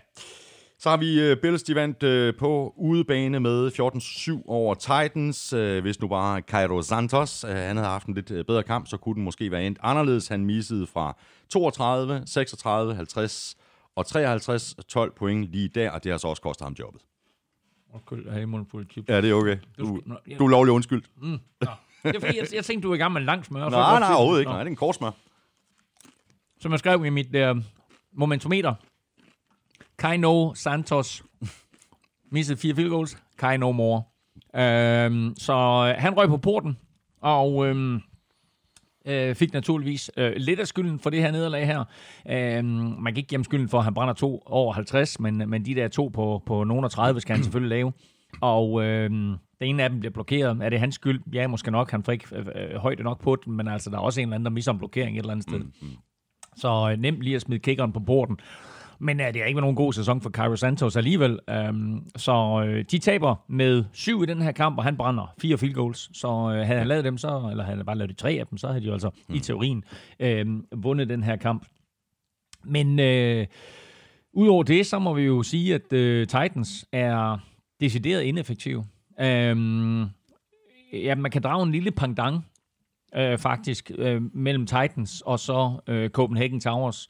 Fordi Towers havde tre serier øh, inden for red zone, og øh, gik efter dem på fjerde down på alle tre, fordi de ikke kunne sparke. De havde ikke nogen kicker, som, som de stolede på, eller var, var ikke klar til det. Øhm, så de kunne måske have vundet Mermaid Bowl, hvis de kunne sparke den, og Titans kunne måske have vundet den her kamp, hvis, hvis de havde en kicker, der kunne sparke den. Så det viser jo bare med al tydelighed, at den her position, der er så udskilt, øh, og som mange hold er det sidste, de tænker på. Vi skal have en quarterback, vi skal have en running back, vi skal have en defensive end, vi skal have en middle linebacker, øh, vi skal have en safety. Øh, hvad er, nogen der, det kigger der, skal være sådan en også. Og skal, vi, og- skal vi også have nappen ponder nu, når vi er i gang? Prøv at lægge mærke til de mandskaber, som har en kicker. Ikke? Ravens vinder på baggrund af Justin Tucker i den her weekend. Ikke? Mm. Han udligner for dem, og han sparker det afgørende field goal i overtime. Der er, andre, der er andre mandskaber, som har en kicker, der sørger for, at de vinder kampe. Det er vanvittigt så lidt fokus, der er fra NFL-holdene på den her kickerposition. Og jeg ved godt, at det er sådan, at, at, øh, at det hedder fodbold, og det er næsten er det eneste fod, der er i fodbold. Det er navne, fordi de prøver på at, at tage nærmest alle spark ud. Men altså, det er så mange gange, hvor vi ser en kicker, der får afgørende indflydelse, hvad enten det er et ekstra point, eller det er et field goal, eller en brand et af samme slags. Og øh, her der misser Titans chancen for at vinde kampen, og det er jo ikke første gang i år, eller for en sags skyld den tid, vi har siddet her i NFL-showet, at der er en kicker, som får afgørende indflydelse. Mm. Det er for mig en gåde, at man ikke kan finde 32 stabile kicker i verden. Og det er for mig en gåde, at de der 10-15 stykker, der så er, som er i en klasse for sig, at de ikke, eller det er de måske lige nøjagtigt, det der er værdsat af deres klubber, men at de andre klubber så ikke gør et eller andet for at finde mm. Den kicker, som, øh, som, som kan hjælpe dem, og som kan blive en stabil kraft igennem årene. Og når man så har fundet den kicker, så holder fast i ham, og så giver ham de penge, han skal have. Øh, fordi det er tit det, at de sidder og kigger, Nå, nu skal han op og have 4 millioner dollars, dem kunne vi altså bruge lidt bedre. Så, så sætter vi ham væk, og så hiver vi en eller anden rookie ind til, øh, til 485.000 dollars, og så går der tre uger, så er han på porten. Mm. Fokuser nu på, at et mandskab består af en masse spillere, der skal løbe og gribe og takle, og så en enkelt mand, der skal sparke til den. Præcis. Og så sørg for at give ham de penge, det kræver. Præcis. Sats på det, fordi øh, jamen, øh, med så mange tætte kampe i NFL, jamen, der er simpelthen så mange kampe, der bliver afgjort øh, enten, som du selv sagde, ikke? med et spark, der, der går ind, eller et spark, der, der bliver misset. Så det er fuldstændig vanvittigt, ikke? Og, at have noget mere øh, fokus på det. Øh, fokus på Bills, fokus på øh, Josh Allen, han var tilbage, efter at han havde været i concussion protocol, og det virker til, at han er blevet lidt klogere, i stedet for hele tiden at, at søge kontakt, øh, som han jo har haft en tendens til at ville mm. søge kontakten, når han, når han løber, når han scrambler så slidede han. han, han okay, det, det kan ikke betale sig jamen, at, at blive øh, ramt længere. Jamen, du lærer på den hårde måde ja. i NFL, og sådan er det bare. Og vi har set det gå ud over en masse quarterbacks, som kommer ind med nogle fantastiske atletiske evner. Og øh, vi har set her øh, og sammenlignet øh, Josh Allen med Cam Newton og Bills sammenligner jo selv Josh Allen med Cam Newton, øh, fordi øh, head coach deroppe, Sean McDermott, jo kendte mm. Cam Newton fra sin tid i Carolina, og sagde, det er den type quarterback, jeg gerne vil have. Men altså lige nu, der spiller Cam Newton ikke. Og Josh Allen fik en ordentlig på skallen i sidste uge. Så trænerstaben har også vendt sig i, fint nok, vi kan godt lide, at du spiller ligesom Cam Newton, men du skal være klogere. Mm. Ikke? Du, skal, du skal sørge for, løb out of bounds, slide, undgå de store skrald. Præcis. Tag de der første downs, der er, eller de yards, der er, men lad være med at udsætte dig selv for unødig risiko. En klog kamp af ham, ikke nogen stor kamp af ham, men han leverer det afgørende drive, der det skal til står 7-7, og så går han ned ad banen, og så kaster han det afgørende touchdown, og så vinder øh, Bills den her kamp 14-7. En uskøn affære mellem øh, to mandskaber, der har det meget svært offensivt, men til gengæld også to mandskaber, der har gode forsvar. Og øh, hvis vi kigger lidt på det her Bills forsvar, for det er, øh, det er ikke et Bills angreb, der har scoret mange point med Josh Allen som quarterback, men det er et Bills forsvar, der har givet dem muligheden for at vinde kampe. Hvis vi kigger på de fem kampe, de har spillet indtil nu, Bills, ikke? så er forsvaret, forsvaret til at 16 point, 14 point, 16 point imod Jets, 14 point imod Giants, 17 point imod Cincinnati, så står der 16 imod Patriots. Det passer faktisk ikke, fordi Patriots scorede et special teams touchdown. Mm-hmm. Så de tillod, tillod sådan set kun 9 point øh, imod Patriots, og så 7 i weekenden her imod Titans. Øh, det her det er et meget, meget giftigt forsvar. Og det er et forsvar med en ung superstjerne i alle tre geleder. Op foran, der har du et, et Oliver, som blev draftet i årets draft. Indvendig defensive lineman, draftet vel sagtens primært til at lægge pres på, øh, på Tom Brady, mm. men øh, har også bare øh, givet noget ekstra og rå kraft øh, inde i midten af linjen. Andet gelede linebacker-position, der har du andenårsspilleren Tremaine Edmonds, som vel øh, sagtens er, øh, han er, han er 20, han er ikke blevet 21 nu, han bliver 21 til november, eller sådan noget, han, ikke, han er i sit andet år i NFL, det er helt crazy. Og så øh, nede bagerst øh, på cornerback Tredavious White, som er draftet øh, i, i 17. Alle tre spillere, jeg nævner her, draftet i første runde. Og der ser man bare vigtigheden af at ramme plet i første runde. Så mange mandskaber misser i den der første runde. Bills har ramt plet. Defensive line, linebacker og defensive back med de tre drenge der. Og de tre kommer til at spille sammen i lang tid. Og kan man så, ligesom vi talte lidt tidligere om med Fort Niners, bygge ekstra klodser på, så bliver det bare endnu bedre, og det her Bills forsvar er godt allerede. Mm, det er det. Og så er de så til gengæld, øh, nu har de hamstret på, på forsvaret, men de har jo faktisk lige uh, traded uh, en spiller på, på angrebet, uh, wide receiver uh, Say Jones, er råd til Raiders. Ja, og der er det bare, jeg tænker, okay John Gruden, har du ikke haft ballade nok i at hive Antonio Brown ind? Nu hiver du endnu en nutcase ind i form af Say Jones, fordi der har vi da en, en, en fyr, som er helt blæst. Det kan godt være, at Antonio Brown han er blæst, men Say Jones, han er helt blæst. Men bare rolig, fordi uh, Incognito, han har sagt, at han skal nok tage sig af ham. det, der, det er forfærdeligt. Det er forfærdeligt. Nå, jamen good luck. Good luck i, uh, i, uh, i Oakland, og good luck John Gruden. Bills, øh, de er 4-1, og de er faktisk øh, på øh, deres øh, bye week. Titans, de er 2-3, og de spiller ud mod øh, Broncos. Og så har vi dine øh, vikinger, Elming, øh, de kom tilbage på sporet, både på angrebet og på forsvaret, efter forrige uges blamage mod Bears, hvor øh, Kirk Cousins spillede en rædderlig kamp.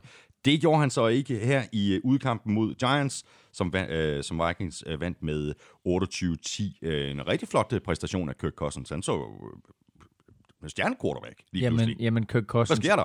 Kirk Cousins er god mod dårlige modstandere. Hvornår vinder Kirk Cousins over en god modstander? Uh, nu kan jeg ikke huske tallene i hovedet, men det er sådan noget med, at ud af, ud af 35 kampe imod dårlige modstandere, eller gode modstandere, der har han vundet de syv. Hmm. Ikke? Men en modstander som det her, uh, dem, dem kører han nemt over, og det gør han jo selvfølgelig også, fordi han bliver hjulpet af sit forsvar. Uh, Daniel Jones, rookie quarterback fra, øh, fra New York Giants, øh, har vundet sine to første kampe. Hele New York op at ringe. Det her det er afløseren for Eli Manning, og øh, her er den næste store quarterback i, i, i Giants historie. Men den her kamp, der er han op imod det første giftige forsvar han, han får at se, og han får mange at se her mm, inden for de mm. næste 5-6 uger. Og øh, altså den næste er jo allerede på torsdag i et brag af en kamp, som NFL åbner den her spiluge med, nemlig Giants imod Patriots, som er en rematch selvfølgelig af, de her to Super Bowls, hvor Eli Manning jo øh, var superstjernen og blev MVP i begge to, og de mm. besejrede øh, Brady og company. Nå, det er sidehistorie. Øh, Daniel Jones var mod et forsvar her, som øh, i den grad tog brøden af ham, og i den grad forvirrede ham. Øh, han har et enkelt helt igennem spektakulært ka- kast, som de scorede touchdown på, men udover det, så havde han desværre Daniel Jones, mm. og øh, der fik han øh, lidt et syn øh, for, hvordan NFL-forsvar også kan være, fordi mm. de første to forsvar, han har mødt og besejret, var ikke af den kaliber, Nej. som Vikings forsvar var. Og tror du ikke, han øh, glæder sig rimelig meget til, at øh, Saquon Barkley han bliver klar til at, at komme ind på banen igen? Det, det virker ikke til, at han bliver klar øh, til kampen mod Patriots. Uh, han var ude, og så røg Wayne Gallman Præcis, også ud, ja. og dermed så spillede uh, Giants deres uh, tredje running back, uh, uh, sådan fuldstændig uh, no-name, og uh, da Vikings øh, kommer ned på 1-yard-linjen, og Dalvin Cook øh, fumbler på 1-yard-linjen, og Giants får fat i bolden, så tænker man, at det var godt nok momentum swing det der, og så øh, kommer den her tredje running back, så kommer han aldrig ud af endzone på det næste play, bliver taklet Anthony Barr øh, ind i endzone, safety, Vikings øh, scorer to point og får bolden tilbage, og, og så var kampen ligesom afgjort. Ja, ja. Øh, der, der havde Giants faktisk en mulighed for at få noget momentum med sig øh, på den der Dalvin Cook fumble, men, øh, og i øvrigt lige stor ros til Jabril Peppers, som øh, jo er kommet til Giants inden den her sæson i den der trade model. Beckham Jr., der fik de den her safety Jabril Peppers. Jeg synes faktisk, at han har været en rigtig fin tilføjelse til det her Giants-mandskab, og også i den her kamp spiller han godt, fremtvinger den her fumble på Dalvin Cook, og det er i hvert fald en spiller, Jabril Peppers, som de sagtens kunne bruge mm. i, øh, i, i Cleveland lige nu, men, øh, men han røg altså som sagt i den her Odell Beckham trade til New York Giants. Giants de fik 64 øh, yards på jorden i den her kamp, altså hele kampen 64 yards running. Det er, lige, det er, øh, lidt, for, det er lidt for meget. Det er, det er alt, alt, alt, alt, alt for meget. Alt for meget, det er uacceptabelt. Ja. Jeg vil godt lige vende tilbage til uh, kaptajn Kirk, Elming, fordi det kan godt være, at du siger, at det her, oh, sådan er det, hvis han spiller mod et, et lidt dårligere forsvar, men ikke desto mindre, så har han jo fået massiv kritik oven på forrige uges kamp, hvor mm. der har mm. været ballade i omklædningsrummet. Øh, Dix, øh, var, var han på vej til at, at, at ville væk fra Vikings osv. Det, det, det viser alligevel sådan en meget god mental stamina af Kirk Cousins, at han så kommer ud og faktisk spiller fejlfrit. Det kan godt være, at forsvaret mm. ikke er det mest imponerende, han står for, men han spiller stadigvæk fejlfrit. Og det virker jo måske til, at det lige præcis var det, der skulle til for at skabe ro igen i Minnesota. Der er ingen tvivl om, der kommer ro på. Men lad, lad mig prøve at stille dig et spørgsmål her. Prøv at nævne de kvaliteter, man skal have som quarterback. Og du, du der er fuldstændig frit for leveren. Bare nævn de kvaliteter, man skal have. Hold da kæft, mand. Øh, ja, bare, okay. Præcision, ja. øh, armstyrke, ja. øh, skal kunne stå i lommen, Præcis. du skal kunne scramble, ja. Øh, hvad fanden, du skal kunne... Nej, det er ikke nødvendigt, at du, at du skal kunne løbe med bolden, men du skal i hvert fald kunne være ja, mobil, for eksempel. Præcis, ikke? Ja, præcis. Det er godt. Alle de der ting, der du nævner der, ikke? Der, der er mange ting, som, som... Øh, du nævner faktisk ikke så mange mentale ting. Du nævner øh, mere de fysiske mm. ting. Men du skal også være en god leder og så videre. Ikke? Men en af de absolut vigtigste ting, man skal have som quarterback, det er en kort hukommelse. Du skal nærmest ikke tænke mere end et play tilbage. Og ikke engang. I det øjeblik, et play det er overstået, så er du videre til det næste play. I det øjeblik, en kamp er overstået, så er du videre til næste kamp. Det er så væsentligt, at du har en kort hukommelse. Fordi hvis du begynder at panikke over, uha, nu må jeg ikke kaste endnu en interception, eller nu må jeg ikke lave endnu en fejl, så begår du den fejl. Mm. Så en kort hukommelse er sindssygt vigtigt, og det har Kirk Cousins, og det har de bedste quarterbacks i NFL. Jeg sidestiller ikke Kirk Cousins med de bedste quarterbacks i NFL. Jeg siger bare, at det er en vigtig kvalitet her. Mm. Han var ude i sit uh, radioshow i ugens løb, øh, radioshow podcast, og nærmest undskyld til Adam Thielen, for at han ikke havde leveret, øh, og at han havde været så dårlig imod Bears. Øhm, og øh, det er vildt nok i sådan en forum at lave en form for offentlig undskyldning, men det var nærmest, hvad han gjorde. Så har du hele Diggs-situationen, Stefan Diggs, som melder ud, jeg vil væk fra Minnesota Vikings, og pludselig bliver væk fra træning, øhm, og så kommer ind til en kammerat i samtale med øh, head coach og general manager, og, og er med øh, til i New York til den her kamp, og, og selv, da, selvom han er med på flyet, er der faktisk tvivl om han spiller eller ej. Mm, mm. Øh, så der kommer sådan en melding på min telefon en time før kampstart, Stefan Diggs spiller i dag, og så siger, hold da op, og så videre. Øhm, øh, er, spiller ikke nogen stor kamp, Stefan Dix, men han er bare væsentlig for det her Vikings-angreb, fordi når han er der, så har forsvaret fokus på ham, fordi ja. han er en rigtig dygtig spiller, og så bliver der bare mere plads, Plads til Thielen. til Adam Thielen, og for den sags skyld til Dalvin Cook, fordi Dalvin Cook endnu en gang jo selvfølgelig har en fabelagtig kamp for Minnesota Vikings. 218 yards samlet har Dalvin Cook, og han kom ikke engang, altså vi nævnte ham ikke engang, da vi skulle tale om, Nej. hvem vi skulle øh, Nominere til ugens spiller. Så øh, et angreb er så vigtigt, at man har harmoni, og man har en masse spillere, som supplerer hinanden, og også at man kender sin rolle. Vi har talt lidt omkring det her mig-mig-syndrom, som eksisterer i NFL i øjeblikket, og det er også det, vi ser fra Stefan Dix. Han bryder sig ikke om, at han kommer ind forholdsvis lavt draft, jeg mener det er fjerde runde, ender med ret hurtigt at få superstjernestatus, og nu her øh, står han så lidt i skyggen af både Dalvin Cook og Adam Thielen, og det gider han ikke. Han vil et eller andet sted hen, hvor det er sådan, at, at øh, der bliver sat mere pris på ham, og, øh, og han måske også øh, kan tjene nogle flere penge, men accepter nu, at et angreb er sammensat af flere klodser. Og jo flere gode klodser der er, jo større er chancen for, at det her angreb, det er solidt, og at, øh, at det kan sætte mange point på tavlen, og måske endda vinde et mesterskab. Hvis du ryger et eller andet sted hen, jamen fint nok, gør det for din egen skyld, men tro ikke, at det er sådan, at, at, øh, at det nye sted, du kommer hen, det nødvendigvis er bedre. Det er den klassiske, er græsset grønnere, Ja, ja. det nye sted. Mm. Bliv nu, hvor du er, og find ud af, den situation, du er i nu, med Thielen og Rudolph og, og Dalvin Cook med flere, øh, er faktisk god. Så må man sige, fint nok. De mangler en offensiv linje.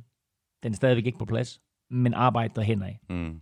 Og så øh, måske glæde sig over, at det går godt øh, for holdet, og, og så leve med, at dine egne statistikker måske er, er en, er en lille bitte smule dårligere, end du sådan personligt kunne drømme om, at de var. Men så glæder dig over, at du er så dygtig en wide receiver, at du, øh, at du, øh, til, at, at du tiltrækker to mand i opdækningen, men så glæder dig over, at der bliver ja. Mere plads til Ja. din marker, der hedder Ja. Adam Thielen. Så lad ham score touchdowns. Men, men det er svært, fordi det er blevet sådan en mig-mig-kultur. Ja. Og, øhm, og det, øh, det, det, den fælder er det ikke så også råd i. Og øh, der er sikkert også en agent, der siger til ham, hey, du skal et andet sted hen, vi skal tjene mange flere penge, du ved, du er meget bedre end det der, og så videre. Så øh, han blev spurgt i omklædningsrummet, om han gerne vil være i Minnesota, og så sagde han så, ja, jeg vil helt vildt gerne være i Minnesota. Og så stak han sådan et, et, et, et lille fræk smil og, og blinke med det ene øje. Ja. Og så tænkte man, var det der, var det fordi, at han godt kunne lide reporteren, eller var det, var det et spørgsmål om at sige, ja, jeg vil helt vildt gerne være i Minnesota. Nå, Ja, men det var meget svært at læse. Ja, det var bare- det var faktisk det svært var læse. meget svært at læse, fordi øh, sådan på, på overfladen, så var det, øh, ja, ja, øh, I'm, I'm really, really happy og sådan noget. Men der var jo et tweet fra, fra, fra, fra Dix nogle dage tidligere, sådan noget, all rumors are true. Ja. Ikke? Jo, jo, Altså, jo, jo. Så hvad i alverden er det, der foregår? Ja. Nå, anyway, det bliver vi, det bliver vi klogere. Har, har du et, et, øh, noget, noget betting chips? Jeg har et, et lille spilchips, og øh, det går sådan set på, øh, på Giants øh, til den kommende weekends kampe her, fordi det er ikke den kommende øh, søndagskamp, men netop torsdagskampen, som åbner hele spillerunden, rematchen øh, af Super Bowl 42 og Super Bowl 46 imod New England Patriots, og øh, den vinder Giants naturligvis ikke. Ikke. Øh, Patriots er stor favorit til odds 1.09. Det kan man roligt spille. Det er Money in the bag? money in the bank. Men ej, jeg vil faktisk sige, at jeg har en anbefaling her, fordi jeg tror simpelthen, at øh, det bliver ydmygende. Øh, så øh, Patriots øh, kan godt vinde med mere end 12, og vinder de med mere end 12, så er der også 1,5. Åh, det, så bliver det også en, Ja, ja. en lille bitte smule mere interessant, ikke? Giants, de er altså 2 og 3. De spiller ude mod Patriots, øh, og det gør de. Thursday night, Vikings, de er øh, 3 og 2, og de får øh, besøg af Eagles. Og så napper vi lige en øh, højt skruende affære, inden vi skal have sendt nogle øh, taffelchips afsted. Texans, de vandt med 53-32 over Falcons. Forholdsvis øh, stabil kamp af Deshaun Watson, 28 af 33 for 426 yards.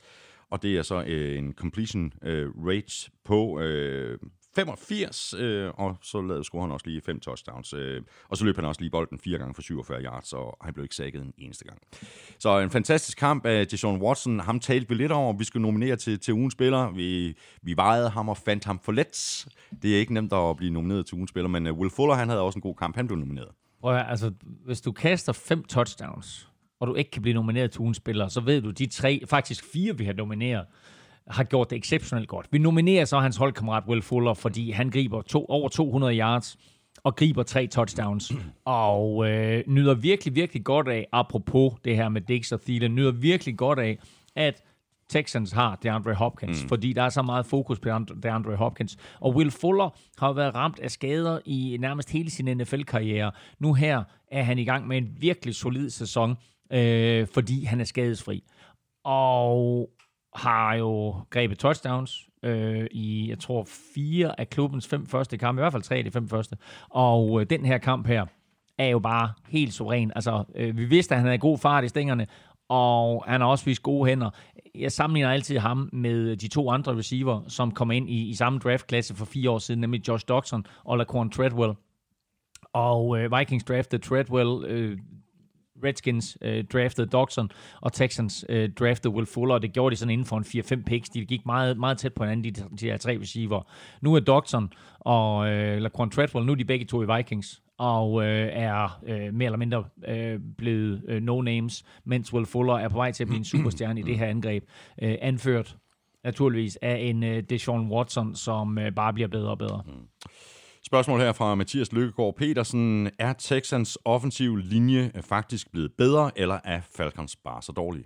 Øh, jeg tror roligt, vi kan se, det er en kombination. Altså, Falcons har jo ikke noget pass rush, så vi talte om det øh, i vores optagsudsendelse, at selvom de har brugt masser af penge på øh, defensive end slash outside linebacker, så har de ikke noget pass rush. Altså, Vic Beasley og Tack McKinley får for lidt ud af det, i forhold til, at de begge to er første runde draft picks og får en, en frygtelig masse penge.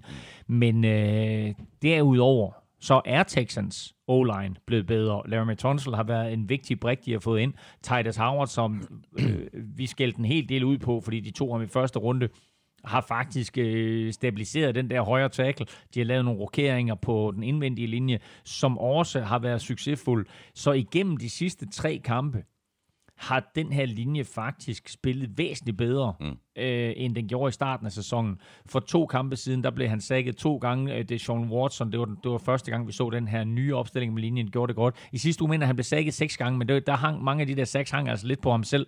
Øh, og så kommer den her kamp, hvor han bliver sækket nul gange, og øh, selvfølgelig et forholdsvis overkommelig modstander, men den offensive linje så bare god ud. Mm. Øh, og det er klart, at der er stadigvæk et stykke vej for dem, til at blive betragtet som en af de bedste linjer, og også at blive betragtet som en dygtig linje, men den er tilpas nu, og passer måske fint til de kvaliteter, som Deshaun Watson har, i form af, at han kan improvisere og øh, skabe lidt ekstra tid til sig selv til at kigge ned ad banen. Mm. Og når du får skabt den der ekstra tid, så bliver det super vanskeligt for modstanderne at dække de her receiver op ned ad banen, og især når du har en Will Fuller, som har den fart i stængerne, han har, og så er det Sean Watson jo nærmest ikke. Øh, altså, du, du kan bede ham om at kaste 60 yards, så det er ikke noget problem. Så øh, det her, det er, det, det er Texans mandskab, man skal holde øje med, og især hvis den her O-line kan blive ved med at øh, blive bedre og, og, øh, og, og, og få lidt mere harmoni og lidt mm. mere øh, synergi mellem de fem derinde. Mm. Spørgsmål her fra Jesper Kyn. Øh, hvad sker der? Atlanta, jeg er naturligvis glad for det som Saints-fan, men hvordan kan et på papiret så godt hold spille så dårligt? Jeg er med på, at de igen er ramt lidt af skader på forsvaret, men det kan ikke igen i år være en undskyldning.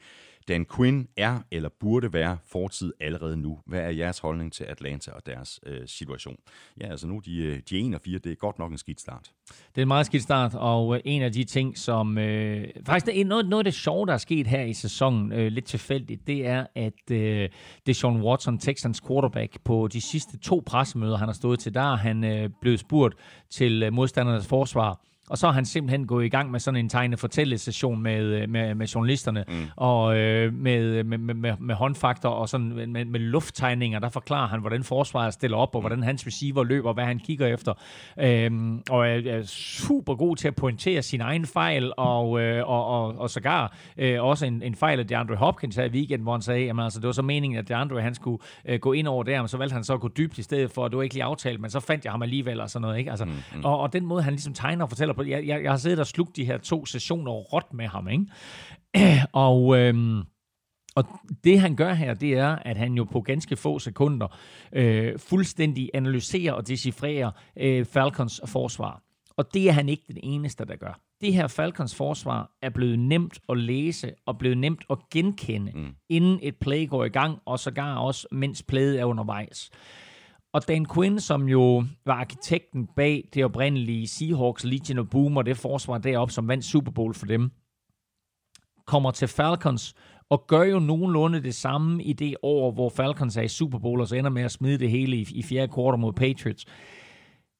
Der havde han et ungt, hurtigt, hurtigt opportunistisk forsvar med nogle tricks og øh, nogle, nogle øh, sådan små finesser, som gjorde, at de var meget svære at læse og meget mm. svære at spille imod. Vi så sågar Tom Brady blive snydt i Super Bowl og kaste en interception, som han ellers aldrig ville kaste til en Robert Alford, som griber den og returnerer den til touchdown. Ja, det var, sådan, og det var lige præcis det år, hvor du havde altså deres øh, øh, cornerbacks og safeties og sådan, de var super unge, og de spillede sig op i løbet af sæsonen og blev bare bedre og bedre og bedre, og alt tyder mm, jo på, mm, hold da kæft mm, mand, det her det forsvar, mm. det kan bare blive bedre og bedre de, Præcis. de kommende år, ikke? De havde syv spillere på det tidspunkt, der var i deres første eller andet år. De startede syv spillere i Super Bowl, der var i deres første eller andet år. Og man tænkte bare, wow, det her forsvar her, det bliver vildt.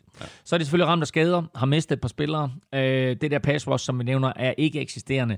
Og alle de her ting sammenholdt med, at de øh, ikke øh, har udviklet sig rent taktisk, og at Dan Quinn måske er blevet for, for nem at afkode, gør, at, øh, at det her Atlanta-forsvar øh, ganske enkelt er Nej, jeg vil nærmest sige ikke tidsvarende, fordi den måde NFL har udviklet sig på i løbet af de sidste 3-4 år, der er det fornemt for de her øh, quarterbacks at fuldstændig bare pille det fra hinanden, og sige, mm. nu kommer hullet der, og nu er hullet der, og armlæren skal den der, og når de stiller op på den måde, så ændrer vi lige til et løb, etc. Mm. At Dan Quinn i far for at ryge. Bestemt, bestemt. Altså, der er nogen, der kalder ham dead man walking, Ja, og der er også nogen, der siger, at hvis de ikke vinder i weekenden over Cardinals, så er han ude. Det bliver øh, spændende at følge med i det her. Øh, de spiller øh, altså Falcons 1 og 4. De spiller ude mod øh, Cardinals.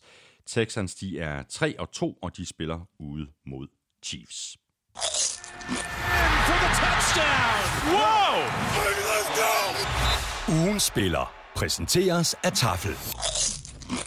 Så er vi lige præcis fremme ved ugens spillerkonkurrence. De nominerede var, og vi havde faktisk øh, fire i den her uge. Øh, Christian McCaffrey, Aaron Jones, Will Fuller og Eagles Defense. Nedefra fik Eagles Defense 12% af stemmerne, Will Fuller fik 14, Aaron Jones fik 22, og Christian McCaffrey fik lige lidt over halvdelen, nemlig 52 øh, procent, og øh, det var vel også lidt det, vi forventede, ikke? Det ved jeg ikke, var det det? 10 6 og to touchdowns, og man får 12 procent af stemmerne. Altså, det er jo det er, altså, fuldstændig unik præstation af det forsvar, der er Eagles, ikke? Altså, Jo. Will, Will Fuller, tre touchdowns, 200 yards receiver, ikke? Altså, fire touchdowns, Aaron Jones, den første spiller ever Jamen, det er ikke nok. nogensinde. Det er ikke nok. Det er ikke nok for vores lyttere. Hvad, hvad er han den første spiller ever nogensinde? Så siger du fire touchdowns. Den første spiller ever, der scorer fire rushing touchdowns mod Cowboys. Det er ikke nok. du, du er iskold. Du er iskold. Det er ikke nok. Nå. Det er ikke nok for vores lyttere. Nej, men nu trækker jeg Aaron Jones Sådan op der, fordi du er jo netop lykkens udene. Med hånden ned her blandt alle de indsendte, der trækker jeg et navn, og det er med garanti Money in the Bank Aaron Jones. Kom op her. Kom så, kom så, kom så. Christian. McCaffrey! Ja, der står 300, der står 360 salto McCaffrey. Og så har Magnus fra Skovlunde sikkert gættet, at det er ham, der har vundet. Det er stærkt, det der, Magnus. Øh, Jeg sender dit øh, navn og øh, din adresse videre til MVP Christina, så sørger hun for resten. Og hvis øh, du også vil være med i kampen om alle de her chips fra Tafel, De er sygt gode. der er det nemlig, så skulle du tage og tjekke NFL-showet på Twitter og på Facebook hver tirsdag, hvor Elming og jeg nominerer tre eller måske øh, fire spillere. Og så kan du stemme på din favorit på mailsnabla.nflshowet.dk ved at skrive dit øh, bud i emnelinjen og i selve mailen. Der skriver du dit navn og adresse.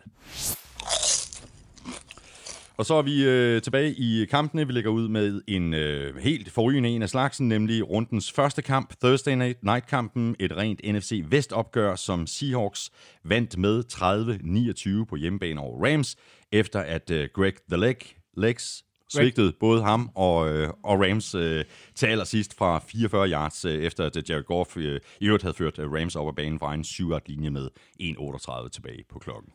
Hvis Seahawks havde tabt den her kamp, så havde de helt sikkert siddet i omklædningsrummet bagefter og, tænkt, hvordan pokker bare vi har sad med at tabe det her opgør. Nu er det Rams, der sidder, eller sad i hvert fald, i torsdags, i deres omklædningsrum og, tænkt, hvordan bare vi har sad med at tabe den her kamp. Mm. Fordi det her, det var en kamp, der bølgede frem og tilbage. Seahawks dominerede fra start, Rams kom tilbage, øh, Russell Wilson leverede magi. Hold nu kæft, man. Det der kast til Lockett er altså jo helt vanvittigt. Det kast til Lockett, Det er Lockett, som, som alle stadig taler om, fantastisk catch og hans fødder osv. Det kast fra Russell Wilson er årets, i min optik, bedste play fra nogen spiller. Mm. Og jeg kan lige så godt sige det, som det er. Christian McCaffrey er god. Jeg elsker Dalvin Cook. Adam Thielen er, er øh, Viking og min held, og der er Odell Beckham Jr., kan man godt lide. Og der er masser af spillere, som man godt kan lide at se. Der er ikke nogen spillere, som jeg holder af at se mere spille fodbold end Russell Wilson. Han er min yndlingsspiller i NFL lige nu. Det er altid sjovt at se på ham spille, og det han kan præstere, og den måde han er i stand til at improvisere og scramble konstruktivt, er en unik kvalitet. Og det play der er jo også skabt ud fra sådan et, et scramble, hvor først lidt den ene vej, og så den anden vej, og så kaster han en bold ned i hjørnet af endzonen, som er så millimeter præcis leveret imod. Det er jo den, det er den svære måde, det er, når du er højrehåndet og løber mod din venstre side, præcis. og så skal kaste. Der leverer han et millimeter præcis kast ned i hjørnet af endzonen, som der ikke er nogen som helst chance for, at der er en forsvar, der griber, og der er kun ifølge en eller anden form for latterlig officiel statistik. Next Gen Stats. 6,7% chance for at blive grebet Præcis. af dine medspillere. Ja. Det er i øvrigt, ifølge Next Gen Stats, det kast med den laveste Hmm. mulighed for at blive completed, som er blevet completed hele året. At det der, at det, at det, og det er egentlig så, er jeg synes, jeg, det der Next Gen Stats, det er selvfølgelig meget sjovt, men det er sådan lidt ligegyldigt på en eller anden måde. Men nu bare kan det bare lige op, fordi det er så vanvittigt et kast. Og gå lige ind og se det play, for det ligger inde på gudklud.dk. Gå ind og se det play, fordi har du ikke set det, så er det et, altså det er så vildt det spil. Der er så mange facetter. Prøv at høre, det er jo ikke, det er jo ikke et 100-yard touchdown, eller det er ikke et eller andet... Øh, det, er, det, er bare, det er bare alt. Alt i det play er så sindssygt. Gå ind og se det. Under alle omstændigheder, ja. også selvom du har set det, fordi man kan godt Præcis. tåle at se det Ja. igen og igen og igen. Det er et fuldstændig vanvittigt spil. Øh, der er flere, der har skrevet øh, om Russell Wilson. Øh, Simon Tøtrup øh, skriver sådan her, efter femte runde har Wilson 12-0, øh, 0, altså touchdown og Ja. interceptions. Øh, er han ikke alvorligt i gang med at kandidere til MVP? Og Henrik Drejer Andersen øh, skriver, efter Russell Wilsons præstationer de første fem spillerunder, særligt imod Rams, er han efter min vurdering en seriøs udfordrer til Mogens som årets MVP. Jeres vurdering, hvis Russell Wilson fortsætter sit nuværende niveau, bliver han så MVP, uanset om Seahawks når i playoff eller ej. Den måde, han spiller på lige nu, øh, er han klart en MVP-kandidat. Med de to uger, som Holmes han har haft lige her, hvor øh, han ikke har set specielt god ud, der synes jeg, at MVP-ræset lige nu hedder Russell Wilson og Christian McCaffrey. Det må være de to, der har skilt sig ud. Der er ikke rigtig andre. Altså, man, man kunne måske have taget en Shaquille Barrett med også, øh, på grund af hans vanvittige start for, for Buccaneers forsvar, men, men, men altså, den her MVP-titel, der skal noget ekstraordinært til, har vi jo set for, at den går til en forsvarsspiller.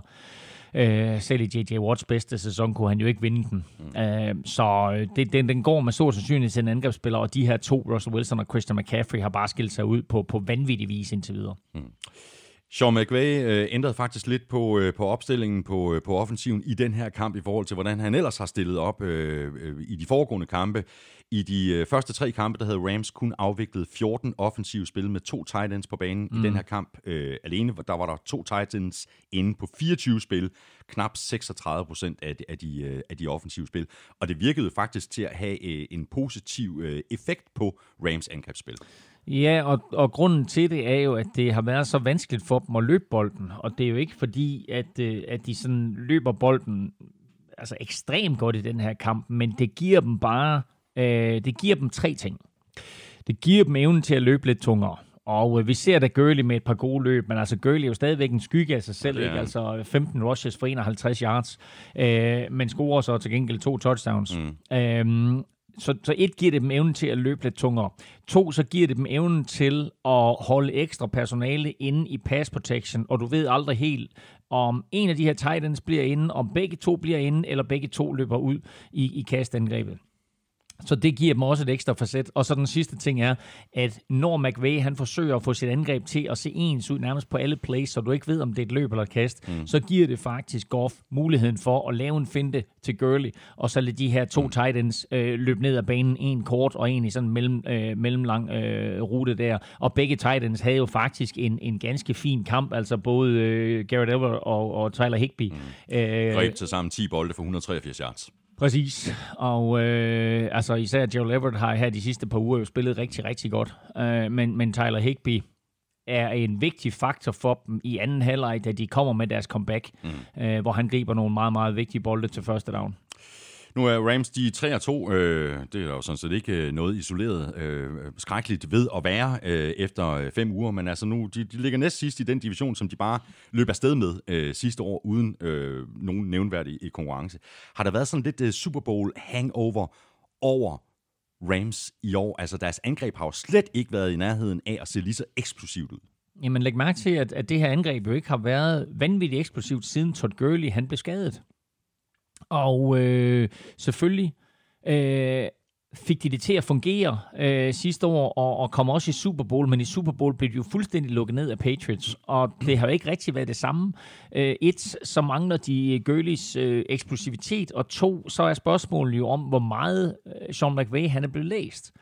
Øh, har folk fået en måde at, og fundet en måde at, at dæmme op for de her ting, Sean McVay han gerne vil? Har folk fundet en måde at, at læse på, er det løb eller kast? Har folk fundet en måde på at, øh, at, at sige, jamen altså okay, fint nok, øh, Sean McVay han kommer ind, og, og han tager ligaen med storm i sine to første år i Rams.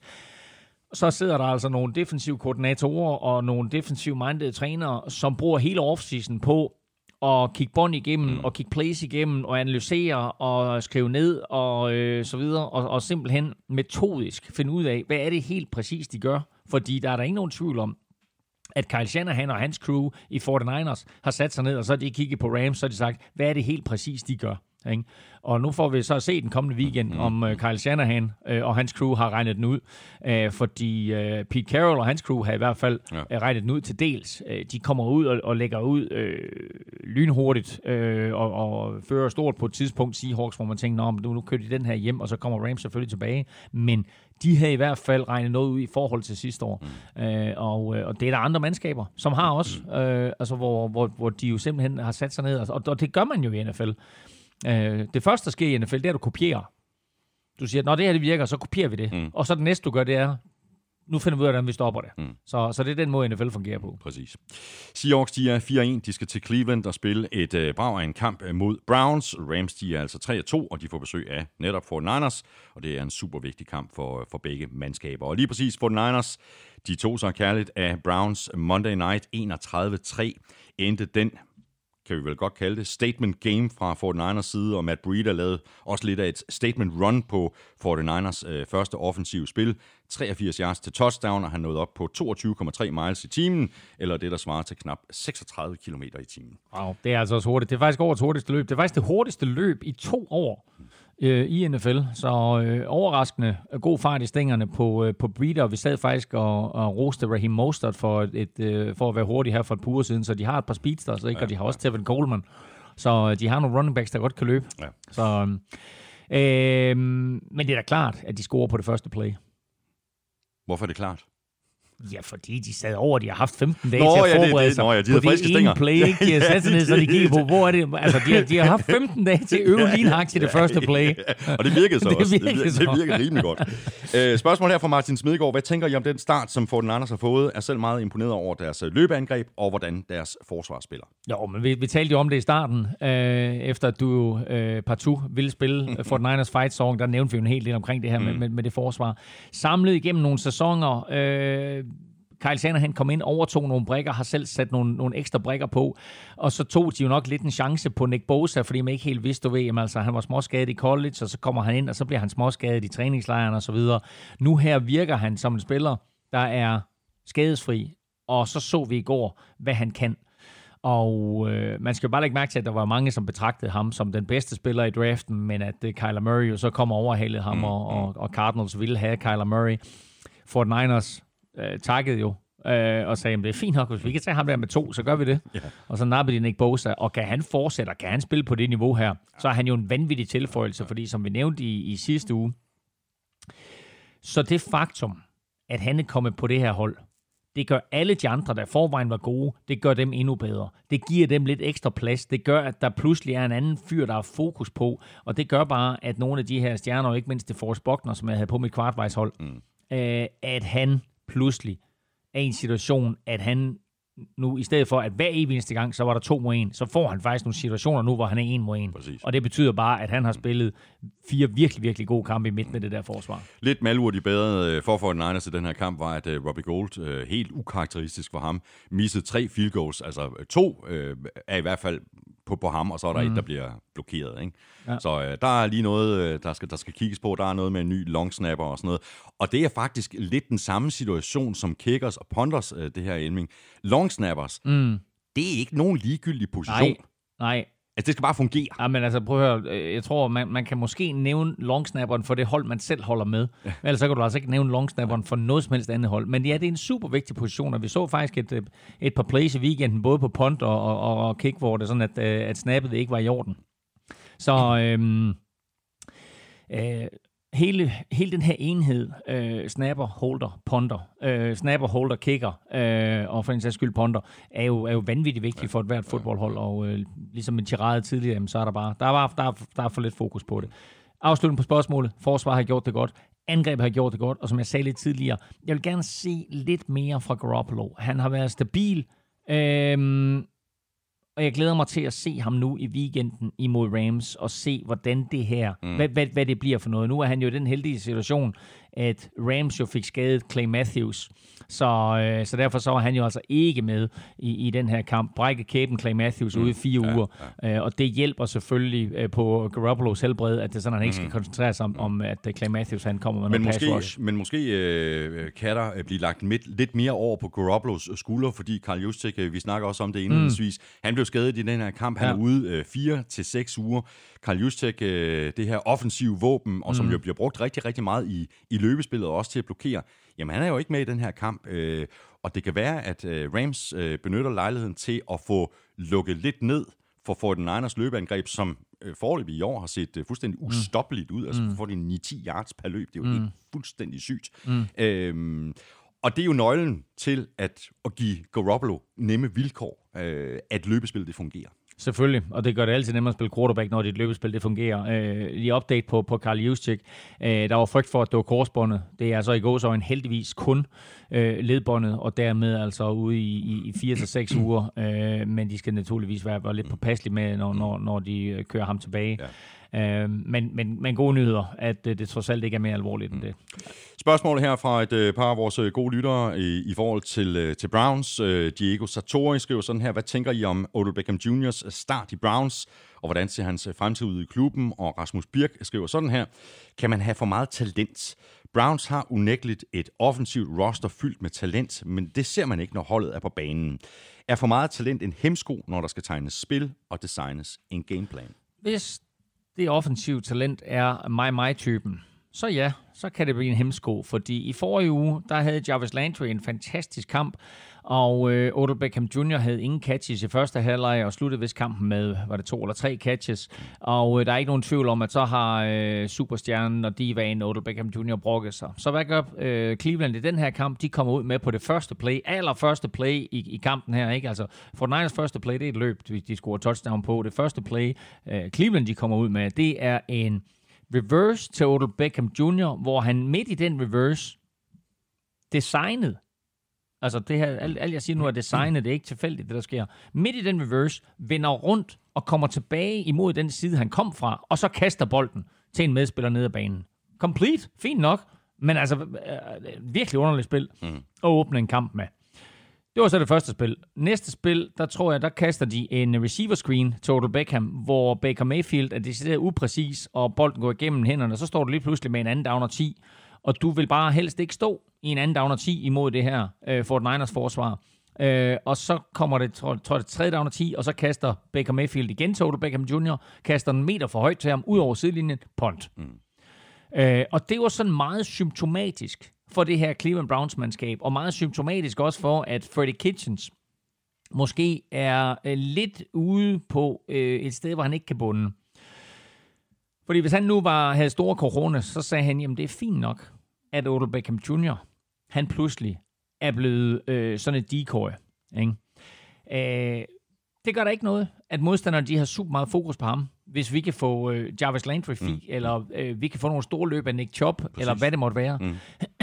Øhm, men, øh, men i den her kamp, der var det ham meget magtpålæggende at få bolden i hænderne på Odell Beckham Jr., og det synes jeg faktisk gjorde ondt på Cleveland langt hen ad vejen. Når det så er sagt, og vi kigger på det resultat, som hedder 31-3, så siger alle folk, hold da kæft. 49ers kørte Cleveland Browns over. Men gjorde de nu egentlig det? Fordi ved stillingen 14-3, der står Browns på 5 linjen og Baker Mayfield kaster et touchdown til Antonio Callaway. Hvis ellers Antonio Callaway Kunne gad, gribe bolden. gad at gribe bolden. Mm. I stedet for, så vipper Callaway bolden op i luften, og den bliver interceptet af en 49er-spiller, der hedder... Kuan, Kuan uh, Williams. Præcis. Jeg behøver, Kuan. det er så dejligt, den her podcast. Jeg behøver ikke at kunne huske nogen 49ers navn. Jeg kan bare lægge det over til dig. Quan Williams, han, han uh, intercepter den her bold og returnerer den op til 50-yard-linjen. To-tre spil senere, der scorer Tevin Coleman. I stedet for 14-10, så står det 21-3. Det var afgørelsen på den her kamp. mm. Men 14-10 på det tidspunkt der. Jeg siger ikke, at 49ers ikke har vundet kampen. Men 31-3 er bare ikke et reelt udtryk for, mm. hvor tæt den her kamp var på at blive tæt. Så kan vi så også sige, at Robbie Gould skulle have scoret de der tre field goals, så hvad ved jeg. Men du har fuldstændig ret. Det havde ændret fuldstændig dynamikken i kampen, hvis de havde reduceret til, nej, hvis de Det er, havde så reduceret sjovt, til det, er så, 14 det er så sjovt at sidde og kigge på dig, når man kritiserer 49ers. Nej, nej, lidt. overhovedet ikke. Nej, nej, nej, det, det, det, det er helt fint. Øh, Det, det, det kan jeg sagtens tage. 49ers stinker. Nej, det passer ikke. De er sygt gode. For Niners, for Niners er under alle omstændigheder 4-0. De skal til LA og spille mod Rams og Browns. De er 2 3, og de spiller hjemme mod Seahawks. Også en rigtig, rigtig spændende kamp. Det er så fedt, jeg har fået den ind på bordet. Jeg skal have givet øh, ekstra props til. Jeg kan ikke huske, hvem det var, der skrev og gjorde mig opmærksom på det her lille klip. Nå, så fik vi Elming svaret på, hvem det er, der kan slå Chiefs. Det kunne Coles, øh, og en dag i Kansas City. Øh, sådan er kampen, den endte 1913. Og en del af opskriften på at øh, holde det her højoktane Chiefs-angreb øh, til sølle 13 point, jamen det er jo simpelthen bare at holde øh, Måns øh, fra banen. Chiefs angreb havde kun bolden i 22 minutter og 45 sekunder. Præcis. Sagt med andre ord, bolden var i Indianapolis, Indianapolis Colts' varetægt i øh, 37 minutter og 15 sekunder, eller næsten to tredjedele. Mm. Så de øh, besluttede sig simpelthen for øh, at løbe bolden og holde bolden på jorden, og bare sørge for, at jo, få, øh, jo, jo færre chancer med Holmes har for at score, jo færre chancer, eller jo færre gange han er på banen, jo større chancer er der for, at vi vinder den her kamp. Mm. Og øh, de havde nogle, nogle bizarre drives undervejs, øh, Coles. De havde et drive på et tidspunkt, som var på, jeg tror det var 14 plays. 14, prøv at høre efter nu. 14 plays, 38 yards og 8 minutter langt. Mm. Og gav et field goal. Ja. 14 plays, 38 yards. Jeg kan ikke mindes, at jeg har hørt noget lignende. Mm. Øhm, men, øh, men, men det var opskriften. Marlon Mack øh, havde en stor kamp. Han løb for 132 yards. Coles løb i det hele taget i den her kamp for 180 yards. Øh, meget symptomatisk, så blev det afgørende touchdown løbet ind af mm. deres quarterback. Mm. Øh, Jacob Brissett spillede faktisk ikke nogen stor kamp, øh, men fik det til at fungere. Øh, Men begge linjer spillede en fantastisk kamp. For Både Col- den- for Colts. Ja, for Colts, ja, lige præcis. Ja. Ja. Både den offensive linje og den defensive linje. Fantastisk, øh, fa- fantastisk af de, af de her to kæder. Ja, og hvis man, hvis man ser på mm, altså noget så el gammelt som hvordan man vinder fodboldkampe, nemlig at du skal være bedst i skyttegravene, så var det her et klassisk udtryk for, vores defensive linje er bedre end din offensive linje, vores offensive linje er bedre end din defensive linje. Der er ikke den helt store chance for, at du kommer til at vinde den her kamp. Vi har tidligere set blandt andet i, i kampen mellem Chiefs og, og Lions, at uh, Mahomes han, uh, han er magisk, men den magi manglede her. Og det stod rimelig klart på et tidspunkt i tredje kvartal, hvor Mahomes har bolden i egen endzone, og så kaster tre gange incomplete. Og da jeg så det, der tænkte jeg, mm. et, Cole spiller godt. To, der er et eller andet galt. Der er et eller andet galt lige nu med Mahomes og hele Chiefs angreb. Og så går vi lige tilbage til spil 1, hvor Chiefs spiller mod Jaguars. Først så bliver Nick Foles skadet og udgår. Og få plays efter, der bliver Mahomes skadet og udgår. Nick Foles kommer vi ikke til at se mere i år. Mahomes kom tilbage ind på banen. Men den ankelskade, han fik i spil 1, den tror jeg stadigvæk plager ham. Og det blev også tapet op i pausen. Han kan ikke bevæge sig på samme måde. Mm. han har ikke den samme leverance af bolden, han har ikke den samme, han, han stoler ikke på sit, på sit bentøj på samme måde, som han gjorde før. Og øh, det er altså med til at påvirke ham, og det er med til at gøre ham upræcis. Mm. Og øh, så mangler de også lidt Tyreek Hill derude. Og, øh, ja, og de mistede Chris Jones, Xavier Williams, ja, men Anthony nu, Hitchens. Nu, nu, taler jeg bare lige, nu taler jeg lige udelukkende om angrebet her, øh, fordi forsvaret kommer ja, tilbage til lige om ja, lidt. Ja. Øh, så alle de her ting her gør bare, at det her Chiefs-hold, som efter tre uger så så stoppeligt ud, og, og vi kunne nærmest ikke finde øh, lovprisen over nok, må man bare sige, at de to sidste uger, der har Mahomes kastet et touchdown til sammen. Så det her med, at han var på vej mod at, at slå alle rekorder, jamen han kan da stadigvæk godt nå at slå kasterekorden, det er slet ikke det. Øh, men altså touchdown-rekorden kommer han ikke i nærheden af. Øh, og det er måske nok influeret af, at det er sådan, at han er lidt påvirket af den her skade. Ja, ja, ja. Så kommer nemlig forsvaret. Og der, ja, der, der, der, der ryger jo simpelthen flere. Altså, de, de mister jo flere spillere øh, i løbet af den her kamp. Altså, jeg har lige øh, nævnt øh, tre af dem. Ja. Og det gør jo heller ikke øh, vilkårene nemmere. Heller ikke for Mahomes på, på angrebet, fordi at at, at forsvaret bliver så decimeret. Præcis, og øh, hver gang han så kom ind med Holmes, så var der pres på, øh, for at han skulle levere, han skulle flytte bolden, han skulle mm. score point, fordi de var bagud i den her kamp. Øh, men den vigtigste spiller som øh, Chiefs mester, det er Chris Jones. Jeg har ikke fundet ud af endnu, hvor lang tid han er ude, men han er næppe med i weekenden. Og Chris Jones er altså en kæmpe faktor, fordi et er han en vigtig brik på den defensive linje, men to, så er han også bare en samlende faktor for det her forsvar.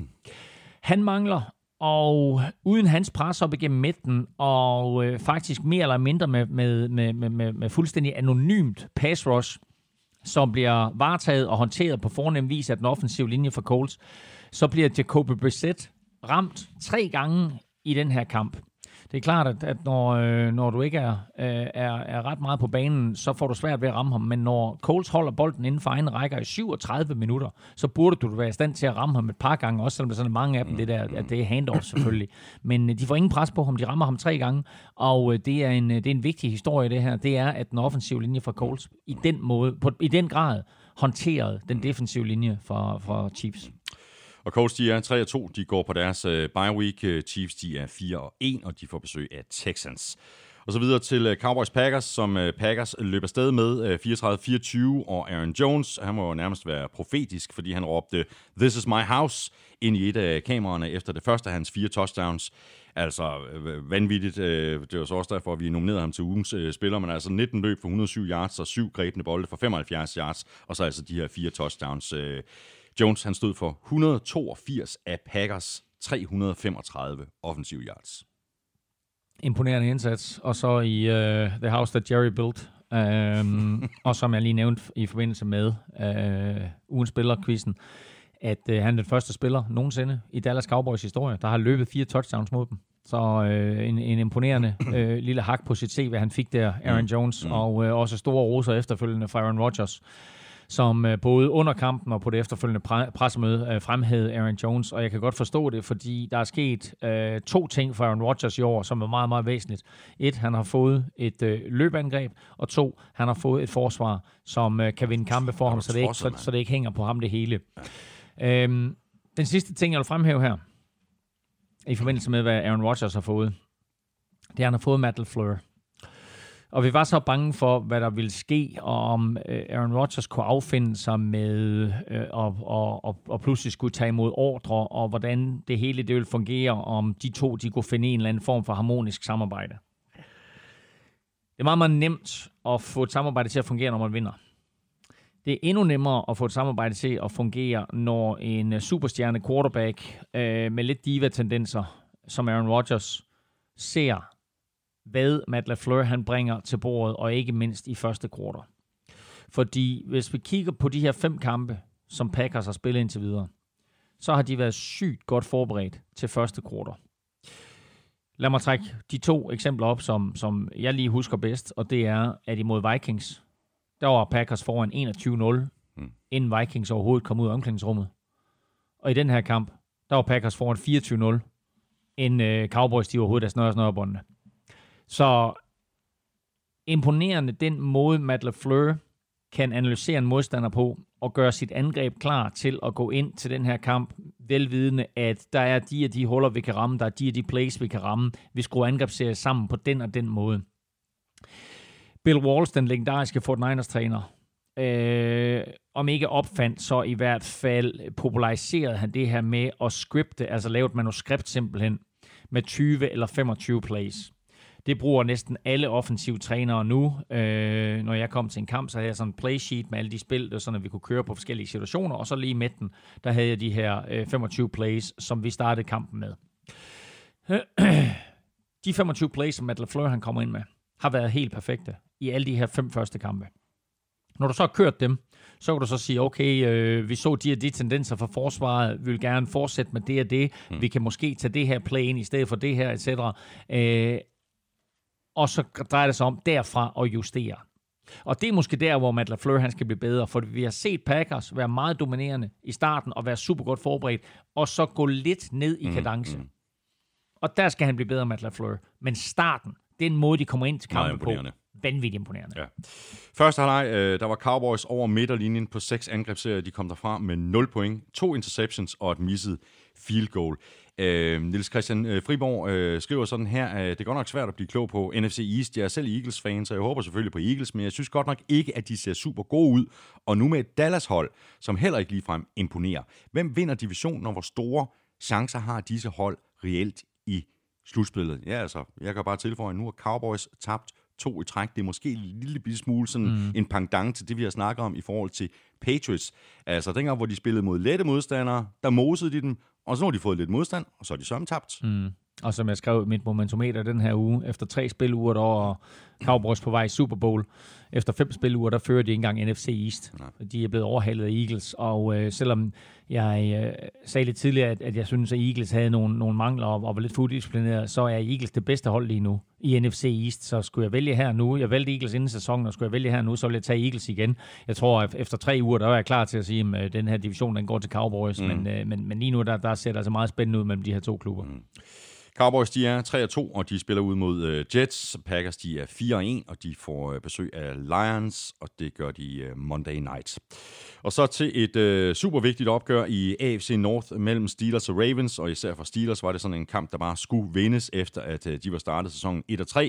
Der er forholdsvis stor forskel på at være 1-4 eller 2-3, og Steelers er altså 1-4 nu, efter de øh, tabte i forlænget med øh, 26-23 Justin Tucker, du nævnte det også øh, tidligere, Claus, vigtigt at have en god kicker. Han afgjorde det fra 48 yards. Øh, I øvrigt et kick, der så ud til at vil gå, gå ved siden af, faktisk øh, nærmest indtil det når frem til øh, goalposten, og så laver du lige en lille twist ind. Ah, men det var med vilje. Uh, det var med vilje. Justin Tucker, han har... for skabe lidt spænding. Ja, han har taget kickundervisning hos Roberto Carlos. så det er sådan en, den går en to-tre retning undervejs, den der. Der var, der var mange Steelers-fans, der havde hænderne op i luften, fordi de tænkte, det går forbi, det går forbi. Nej! Nå. Uh, men uh, ja, det kan godt være, at Justin Tucker uh, afgør kampen, men den, den virkelige held, det er Marlon Humphrey. Fordi uh, Juju Smith-Schuster griber lidt usædvanligt. Og øh, jeg mener, det var 16. gang siden overtime blev indført i NFL.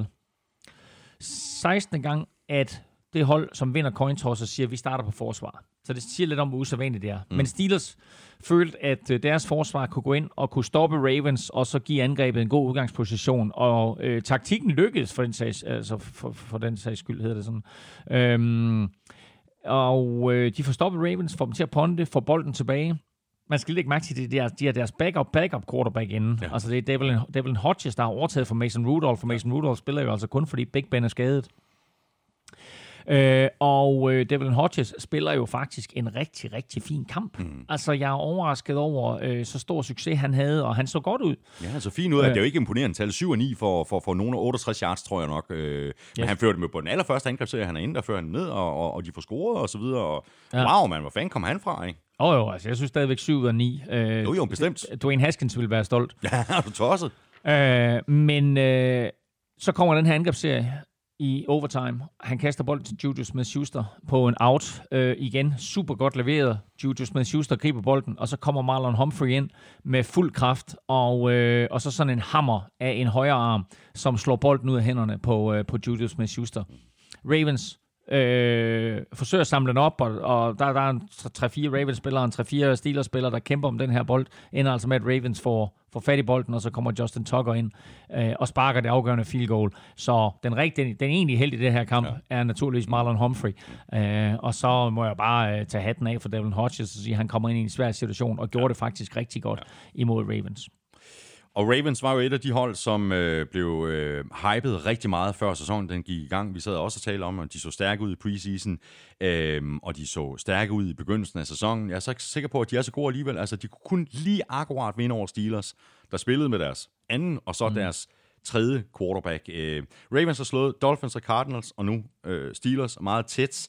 Øh, de har til gengæld tabt til Browns og Chiefs eller lidt den samme historie, som det vi lige har talt om med Cowboys og måske også med Patriots? At, at de er svære at bedømme i forhold til, hvor stærke er de i virkeligheden? Man prøver at høre, det er jo der, vi er efter spil u 5. Det er jo, at, at vi har nogle mandskaber, som vi siger, okay, de er faktisk rigtig, rigtig gode. Ikke? Altså, øh, nu siger jeg Patriots, ja, vi siger, de er rigtig, rigtig gode, men vi, vi sagde lige tidligere, de har mødt fire dårlige mandskaber mm. og Bills, og det var faktisk altså de var i store problemer ja, med var, Bills. Ja, det, det Bills det. havde i den kamp fire chancer for at score og vinde kampen, mm. og det lykkedes dem ikke, så de, de lukrerede på et godt forsvar der Patriots. Så selv dem har vi jo svært ved at vurdere. Mm. Vi ved, jeg, jeg synes det er nemmere at sige, vi ved Dolphins er dårlige, vi ved Bengals er dårlige, mm. vi ved Redskins er dårlige.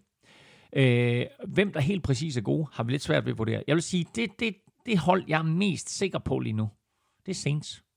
Mm. Og så vil jeg sige, måske faktisk dine 49ers de har også vist nogle tendenser, der gør, at jeg, at, at, at jeg, lige nu, hvis jeg skulle sige, hvem kommer i NFC-finalen, så vil jeg sige Saints og 49ers. Det er de to mandskaber, jeg synes, der har set bedst ud. Øh, på AFC-siden, vi kommer i tvivl om Chiefs. Ja.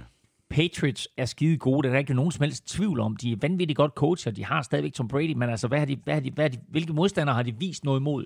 Mm. Øh, så øh, vi er fem uger inde i NFL-sæsonen, og det er det, der er så vidunderligt ved NFL. Præcis. Vi ved ikke, ikke en skid. skid. Ikke en skid. Nej.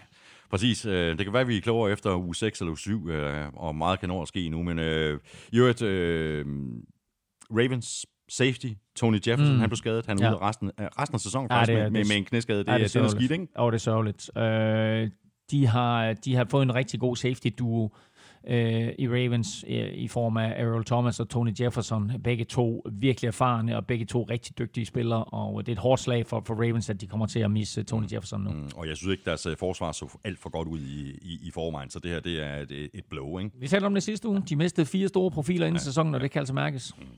Og Ravens, de er 3-2. De spiller hjemme mod Bengals. Steelers, de er 1-4, og de spiller ud mod uh, Chargers. Og så skal vi til The Christian McCaffrey ah, ah, ah, One-Man Show. Ah, ah. Hvad så der? Du skal til hvad, siger du? Åh, oh. oh, nej, du tager den. Kom, Christian Touchdown McCaffrey Show. Fordi, øh, altså, øh, fantastisk spændende kamp i øvrigt, øh, som Panthers øh, så vandt med øh, 34-27 over Jaguars.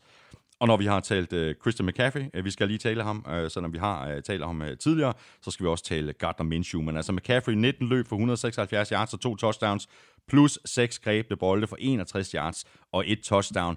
Og tallene i sig selv er jo imponerende, men det er bare 100 gange mere imponerende at sidde og kigge på den her mand, som du jo øh, faktisk tilbage øh, til den gang, hvor jeg tror, du var på vej mod draften eller så videre, hvor du Nej, fortalte om... Nej, det var House Hofmore. Han var kun anden spiller i college, jeg sagde om okay, to år. Ja, præcis. Altså, så kommer han og sådan ja, ja. noget, og jeg, jeg, jeg fik faktisk et, et, et tip på, på, på, på Twitter om, at vi skulle, jeg skulle afspille det her klip, fordi at når der nu er endelig, for, for en gang skyld, er, mm. er, er basis for, for rose Elming, så skal man også gribe chancen. Men det var faktisk en af de episoder, hvor vi havde problemer med lydkvaliteten. Det var i vores øh, spæde start, og der var noget knitren og sådan noget, så jeg droppede det der. Nej, jeg, jeg, jeg hører det. Jeg kan høre det. Må jeg godt høre det? Jeg har, jeg har et andet lydklip med dig, det er Towers Oddset. der er knaldgod lyd. Nå. Men en fantastisk spiller at, at, at, at sidde og se på. Ikke? Han, øh, han er så vild, øh, og øh, selv de plays, hvor han ikke får noget ud af det, der er han sjov at se på. Han, øh, han kan få noget til at ske ud af ingenting, og så er han... Øh, jeg, jeg, jeg troede jo, da han kom ind i NFL, at han ville blive sådan en running back, som primært ville blive benyttet i kastangrebet. Lidt for lille.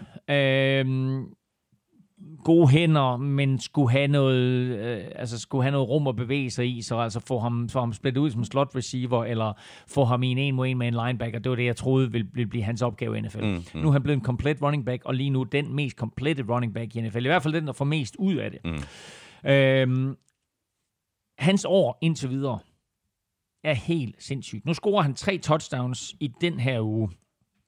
Øh, I samarbejde med Odds for Danske Spil, der laver jeg øh, det, vi kalder Elming Specials hver uge.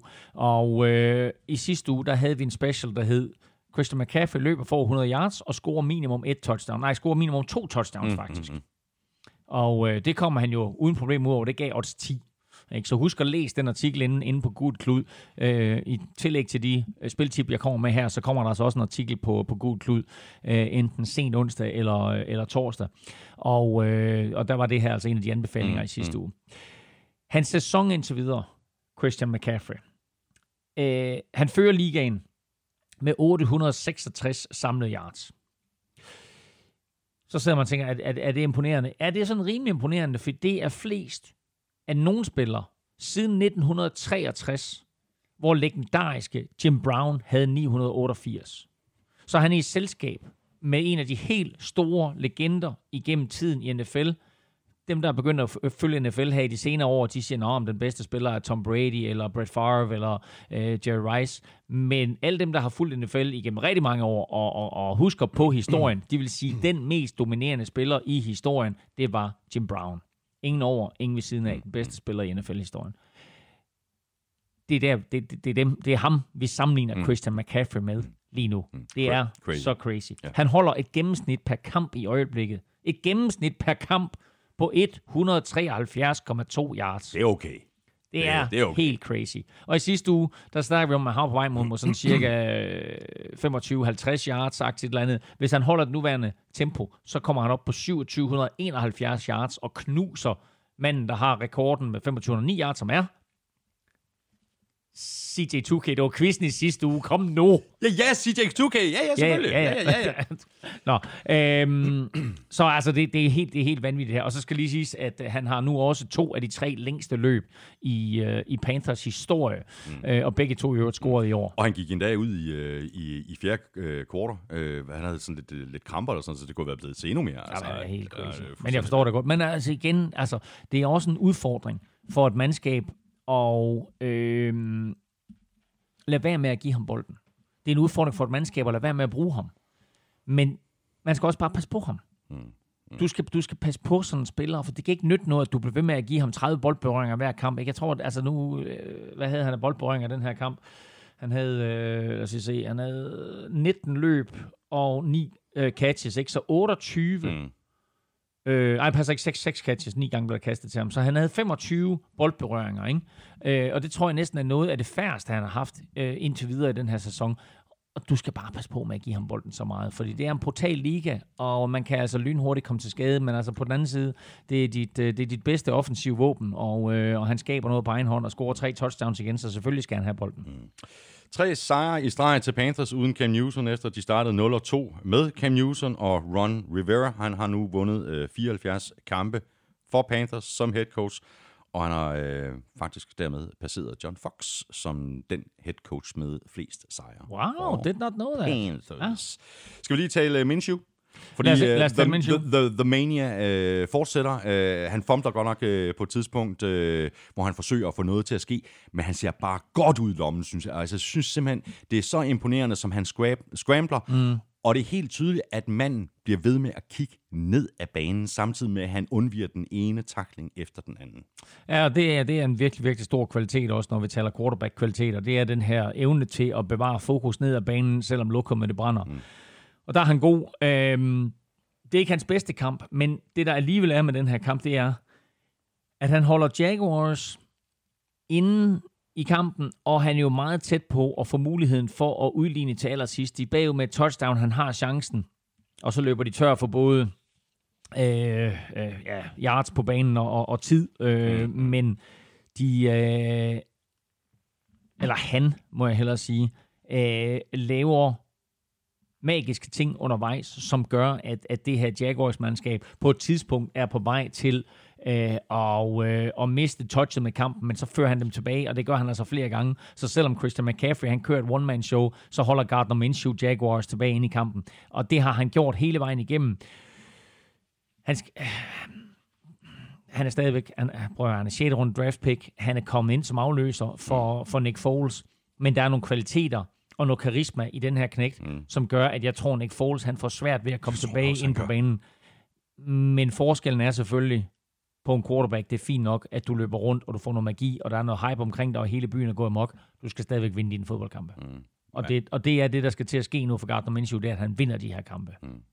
Men han har en meget god øh, forbindelse til øh, DJ Chark. Øh, jeg mindes, at jeg talte rimelig varmt omkring øh, DJ Chark. Øh, var det i forrige år, års draft? Ja, nu har du selvfølgelig fundet det klip, ikke? Nej, det har der, jeg der var ikke. Nej, problem, vel? Der var ingen nej, vel, ikke. så? Nej, Nå, det har jeg ikke, det har jeg ikke. Det gjorde Nej. du, da han kom ind i draften forrige år, DJ Chark. Der, Ja. der, Jeg argumenterede for, at han skulle tages i første runde.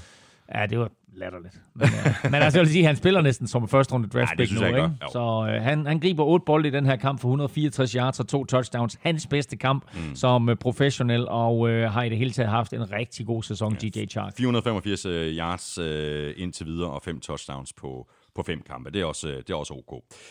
Um, Panthers, de er 3-2. De spiller en uh, super spændende kamp ude mod uh, Box, og det gør de helt i London. Jaguars, de er 2-3, og de spiller hjemme mod øh, Saints. Og jeg tror roligt, man kan øh, forvente et, øh, et shootout i London. Det er altså to rigtig sjove mandskaber. Vi skal se et Buccaneers-mandskab, som jo har masser af sjove offensive våben, og en James Winston, som måske spiller det bedste fodbold, han har spillet indtil videre i, i karrieren. Selvfølgelig styret af Bruce Arians. Og så altså et Carolina Panthers-mandskab med en Christian McCaffrey i topform. Og så en Kyle Allen, som er kommet ind og har øh, stabiliseret hele det her Panthers-mandskab. Alt det, der var galt under Cam Newton, det fungerer nu under Kyle Allen. Forsvaret spiller bedre, angrebet spiller bedre, og Christian McCaffrey får sin yards og scorer sine touchdowns. De her to mandskaber kan man altså se i Tottenham, i London på søndag. Og øh, til de af jer, der har øh, billet over til, der, der ønsker jeg bare en, en, en god tur og håber, I får en fantastisk kamp. Hvem tror du vinder opgøret? Jeg er meget, meget i tvivl. Må jeg prøve lige se, jeg, jeg, jeg har, har ændret mit... Øh har pick på dem. Ja, lige præcis. Øh, to gange. Hvor har vi dem henne? Øh, øh, bok, bok, bok. De er forsvundet. Nej, det her. Øh, jeg har box. Ja. Jeg er gået med box. Ja, og jeg går også med Box. Og Box er faktisk ikke favorit i kampen. De er underdog. Øh, de har officielt hjemmebane, men altså i London, ja, ja, der er begge ja. på udebane. Men, øh, men de har officielt hjemmebane, og de giver altså odds 2,15 for en sejr. Godt odds. Jeg tror, øh, Kyle Allen her, han kommer op mod noget pass rush, som, øh, som vil overraske ham lidt. Mm. Og så er spørgsmålet, om Panthers offensivt kan følge med øh, de point, som Box de sætter på tavlen. Det er klart, at Panthers har et godt forsvar. Men, øh, og, og at, at James Winston selvfølgelig også godt kan ryge problemer mod Luke Kuechly og company. Men øh, jeg tror, at hvis, øh, hvis, hvis, hvis Box de kan smide 28 point på tavlen, måske endda mere, så får Panthers svært ved at følge med. Og så videre til øh, en af de øh, helt store overraskelser. Øh, Raiders, de slog øh, Bears. Apropos London. Ja, præcis. Øh, netop øh, i London med 24-21. Øh, den var der ikke ret mange, der havde set komme, men de kom øh, godt fra land. Øh, Raiders, øh, de var foran med 17-0 ved pausen. Og så var de så lige ved at smide øh, sejren. Det virkede nærmest som om, at de, øh, de gjorde alt, hvad de overhovedet kunne for at lukke øh, Bears ind i den her kamp. Øh, og de kæmpede sig også tilbage, og de kom faktisk foran med 21-17 Bears. Så skruede Derek Carr et øh, rigtig godt drive sammen, helt nede fra egen træerlinje. Og det drive, det sluttede så af med et øh, touchdown øh, af rookie running back Josh Jacobs. Og han var øh, den helt store oplevelse i den her kamp, øh, Josh Jacobs, øh, og må jo i den grad have øh, sat sig i førerpositionen til at blive Offensive Rookie of the Year. Øh, I øvrigt også noget, du forudsagde inden sæsonen, så du er, du er on a hot streak her. Men, øh, men han, var, øh, han, var, han var forrygende, øh, Josh Jacobs. Øh, de tidspunkter, hvor øh, Raiders havde brug for noget stort, så var det ham, øh, der leverede det. Og, øh, og så vil jeg sige, at øh, Raiders kom ud, så bedst ud fra start. Bears lignede et hold, der måske stadigvæk var lidt ramt af jetlag. Mm. Der er jo altid argumenter for og imod, hvordan man skal gribe de her London-kampe an. Nogle hold ankommer om mandagen, er der en hel uge, bliver akklimatiseret. Andre hold ankommer om fredagen og siger, vi tager dig over, flyver ind, ligesom vi vil gøre til en, amerikan, en, en kamp i Amer- øh, på, på amerikansk jord, og øh, spiller kampen og tager hjem igen. Mm. Raiders kom mandag, Bears kom fredag. Jeg er ikke sikker på, at det nødvendigvis er det, der var afgørende, men Raiders så bare mere klar ud, hvor Bears var helt væk i første halvleg. Fuldstændig. De producerer 44 total yards i første halvleg. Det er lige underkanten, ikke? Og så var det jo ikke øh, ret meget, vi så til Khalil Mack i den her kamp. Jeg tror, han havde øh, tre takninger eller et eller andet i den stil. Og det var, det var jo faktisk det her Mack-trade, der gjorde, at Raiders blandt, øh, blandt andre kunne drafte Josh Jacobs. Øh, så øh, det, det er faktisk meget... Altså, nu Ja. skal man jo... Men, men, men det er jo bare en, en, en klassiker, fordi at hvis det ikke havde været for det her Khalil Mack-trade, så havde de ikke haft øh, Josh Jacobs. Det var det første runde pick, øh, som de fik fra Bears. Det var det, de brugte til at, at drafte Josh Jacobs, og øh, han har da i den grad øh, slået til, og det her var selvfølgelig øh, kørt op til, at, at man, skulle, øh, man skulle holde øje med Khalil Mack, og det var hans øh, store hævnkamp og så videre, ikke? og øh, det var ikke meget, vi stod til ham. Ingen sacks, øh, tre taklinger, men til gengæld en øh, vigtig fumble recovery, øh, ja. hvor der var en misforståelse mellem Derek Carr og Josh Jacobs, og der så vi lige rookien Josh Jacobs misforstå et play. Øh, han troede, at han skulle have et handoff, og det var et pitch, og det betyder, at Derek Carr han pitcher bolden øh, bagud, øh, rimelig voldsomt, øh, 10-12 yards bagud, mm. øh, og Josh Jacobs, han, øh, han, han ser slet ikke bolden, øh, og, øh, og den faldt, eller løb Khalil Mack øh, hen og samlet op, og det var selvfølgelig også med til at bringe Bears tilbage i den her kamp, mm. så det var, det var plays som det der, der fik Bears tilbage i kampen, det, det play, som virkelig gav Bears noget momentum, det var et langt Tariq Cohen punt return, og, øh, og med det punt return, der var ligesom om, så kom der noget momentum tilbage ja, til Bears, ja. og så kæmpede de sig tilbage i kampen, og var jo faktisk også foran, ikke? Ja, de var foran. Ja, fordi de var bagud 17-0, mm. Og så kom de foran øh, 21-17. Præcis. Og så, øh, og så øh, må vi sige, altså hatten af for Derek Carr, fordi øh, det sidste drive, han fyrer af med, med, med god hjælp fra, fra Josh Jacobs. Øh, og så også, øh, nu kan jeg ikke huske, hvem, hvem tight enden var, øh, fordi det var ikke Darren Waller, men der var en tight end, der greb bolden ned på mållinjen. Helt, helt, helt spektakulært catch, øh, som får den derned, og så Josh Jacobs, som så scorer det afgørende touchdown ved at hoppe hen over linjen. Øh, var bare, det, var bare, det var bare et godt drive. Og øh, fed, fed kamp. God underholdning i Tottenham. God underholdning for de lidt under 61.000 europæiske fodboldfans, der var på plads der. Og øh, vil jeg lige sige, masser af amerikanske fans også. Vi, øh, vi var der hele weekenden og mødte masser af Bears-fans, øh, som var fløjet til, øh, til London for at se kampen, og mødte også rigtig, rigtig mange Oakland-fans, som var fløjet til London for at se kampen. Så masser af amerikanere havde taget turen øh, over Atlanten for at følge deres hold. Og hvad, øh, jeg ved ikke, om du, du snakker med nogle af de der Bears-fans, om, om de egentlig foretrækker, at det skal være Mitchell Trubisky, eller om det skal være Chase Daniel, der skal starte øh, på quarterback øh, for, for Bears. Fordi altså, hvis vi, vi, vi roste jo Chase Daniel i sidste uge, og så havde jeg talt om, Nå, om det kunne i virkeligheden være, måske øh, er det bedre at, at, at starte ham. Men altså, hvis vi bare kigger på hans første halvleg, så var det jo, det var jo, det var jo, det var redselsfuldt. Øh, spiller sig så lidt op i anden halvleg, samtidig med, at Bears øh, kommer tilbage mm. i kampen. Men ja, altså, jeg tror jo, at de, de starter med Trubisky igen, så snart han er klar. Ikke? Efter den første uge mod Vikings, der vil jeg have sagt, om der, nu, nu havde vi løsningen, der tror jeg også, vi sagde her i NFL-showet, ikke? Her har de en game manager, der mm. ikke laver nogen fejl. Men øh, det gjorde han imod Raiders. Han blev måske også presset til at, at lave mere imod Raiders, end han gjorde imod Vikings. Fordi imod Vikings, der var de foran hele vejen. Mod Raiders, der var de bagud hele vejen. Mm. Så får han hjælp, som vi talte om, både af special teams og forsvaret, til at komme tilbage ind i kampen.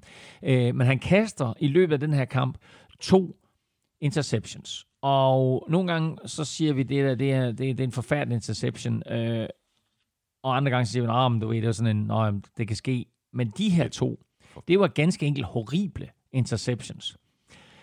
Øh, begge gange, der kaster han til et sted, hvor han tror, han har en receiver. Og det eneste, der er, det er to eller tre Raiders-spillere. Øh, han gør det tidligt i tredje kvartal, eller er det, ja, tidligt i tredje kvartal, tror jeg det er, og så gør han det til allersidst i fjerde kvartal. Og den der til sidst i fjerde kvartal, der har de jo faktisk bolden, og har jo chancen for at køre ned og udligne med et field goal og vinde med et touchdown, og så kaster han den ned i et område af banen, hvor der er zero hmm. Bears receiver, og til gengæld tre Raiders-spillere, hmm. og så var kampen afgjort. Ja. Spørgsmål her fra Jesper B. Nielsen. Jeg ser Bears Raiders, og jeg forstår ikke, hvorfor der er booth review på et spil med 5-40 igen af fjerde quarter. Kunne være dejligt med en gennemgang for uvidende øh, mig vedrørende challenge og booth review i næste udgave af ja, okay. NFL-showet. Det er, faktisk, ja, det er faktisk en god situation, han hiver frem der. Mm. Øhm, 5-40 tilbage. Raiders har 4 down og 6. Så ponder de. Øhm, men der bliver kaldt offside imod Bears. Den offside tager Raiders imod, så er det 4 down og 1. Og så faker. Hmm. Jeg kan høre det hele herovre. Du skal jo så live, hvis det er så godt. Øh, nej, så faker de det punt. Og øh, spilleren, som, øh, som så får bolden i det her øh, fake punt, kommer op, får første down, men fumbler bolden. Og øh, Bears får fat i den. Og på det tidspunkt, der er Bears jo foran, så der tænker man, nå, der blev kampen afgjort. Mm. Men ved alle turnovers, der er der automatisk booth review. Så det er ikke et spørgsmål om, at dommerne skal kalde noget, eller at uh, trænerne skal kalde noget. Alle turnovers, alle scoringer og alle turnovers, der er der automatisk booth review. Og med booth review menes der, at det, det her ekstra dommercrew ser den igennem, og selv når der bliver spillet i London, så bliver det jo sendt tilbage til, øh, til øh, New York, hvor, hvor det her ekstra dommercrew sidder og ligesom tager øh, de beslutninger. Og der er det helt tydeligt, at det er bolden, der slår, eller jorden, der slår bolden fri. Og, øh, og dermed, så er det ikke nogen fumble, til gengæld er det en første down til Raiders, og den angrebsserie kører de så videre på og kører ned og scorer det afgørende touchdown. Så en meget afgørende situation her, som jo altså blev afgjort via booth review ja. i New York. Ja. Øh, afsluttende kommentar i forhold til den her kamp øh, og i forhold til Bears situation, fordi det kunne næsten ikke være værre for Bears med den spillerunde, som vi lige har, har, har, har været igennem. Øh, det var sådan en kamp, som de havde forventet at vinde, som de skulle vinde, og samtidig så vandt Packers og Vikings deres kampe, mens øh, Lions var på, på, på deres bye mm. Alle fire mandskaber. Man taler om det her med at, at have vundet flere kampe, end man har tabt. Og alle fire mandskaber i NFC North har vundet flere kampe, end de har tabt. Øh, Packers er 4-1, Vikings og Bears er 3-2, og øh, Lions er 2-1-1. Så øh, en imponerende stærk division, og øh, apropos Lions, så har de jo Packers i Monday Night i den her uge, så det bliver også noget at brage. Ja, du tosser, mand. Bears, de er 3-2, Raiders, de er også 3-2, og begge hold går på, øh, på bye week. Og så mangler vi kun en, øh, en enkelt kamp, og det er Saints Buccaneers, øh, super vigtig divisionsopgør, som Saints vandt med 31-24, og det var så den øh, tredje sejr træk til Saints med Teddy Bridgewater i stedet for Drew Brees. Øh, vi kan lægge ud med et øh, spørgsmål her fra Lennart Øster. Øh, tror I Saints vil strække sig for at holde på Bridgewater nu, hvor de har set ham i aktion, eller vil de være glade for lidt øh, draft picks, når et af de øh, quarterback-desperate hold øh, eventuelt øh, tilbyder ham en kæmpe kontrakt? Ja, Saints får ikke noget ud af det. Han er unrestricted free agent. Så øh, Saints får ikke noget ud af det, hvis der er en anden klub, der, der henter ham. Øh, det kan være, at de får øh, det, der hedder kompensationspick, og det gør de med stor sandsynlighed, øh, og det vil så øh, aller, aller højst blive til et tredje runde pick. Men øh, spørgsmålet er, altså, Teddy Bridgewater har gjort det så godt, og er selvfølgelig også omgivet både af nogle dygtige angrebsspillere, en dygtig offensive line og en, et dygtigt forsvar. Men han har gjort det så godt, at Saints måske er i den situation, de tænker, Breeze er gammel. Vi kunne godt efter sæsonen signe Teddy Bridgewater til en lang kontrakt, og så sige, fint nok, vi ved, Breeze vil gerne spille et år mere, mm. kan måske spille to år mere, og derefter så er jobbet Teddy Bridgewaters. Så er spørgsmålet, er Teddy Bridgewater interesseret i det? Han havde muligheden for at komme andre steder hen inden sæsonen, men valgte at blive i New Orleans, velvidende, at han var backup. Og med Breezes skadeshistorik, som er ikke eksisterende, der var der ikke store chancer for, at øh, Teddy Bridgewater han kom til at se banen.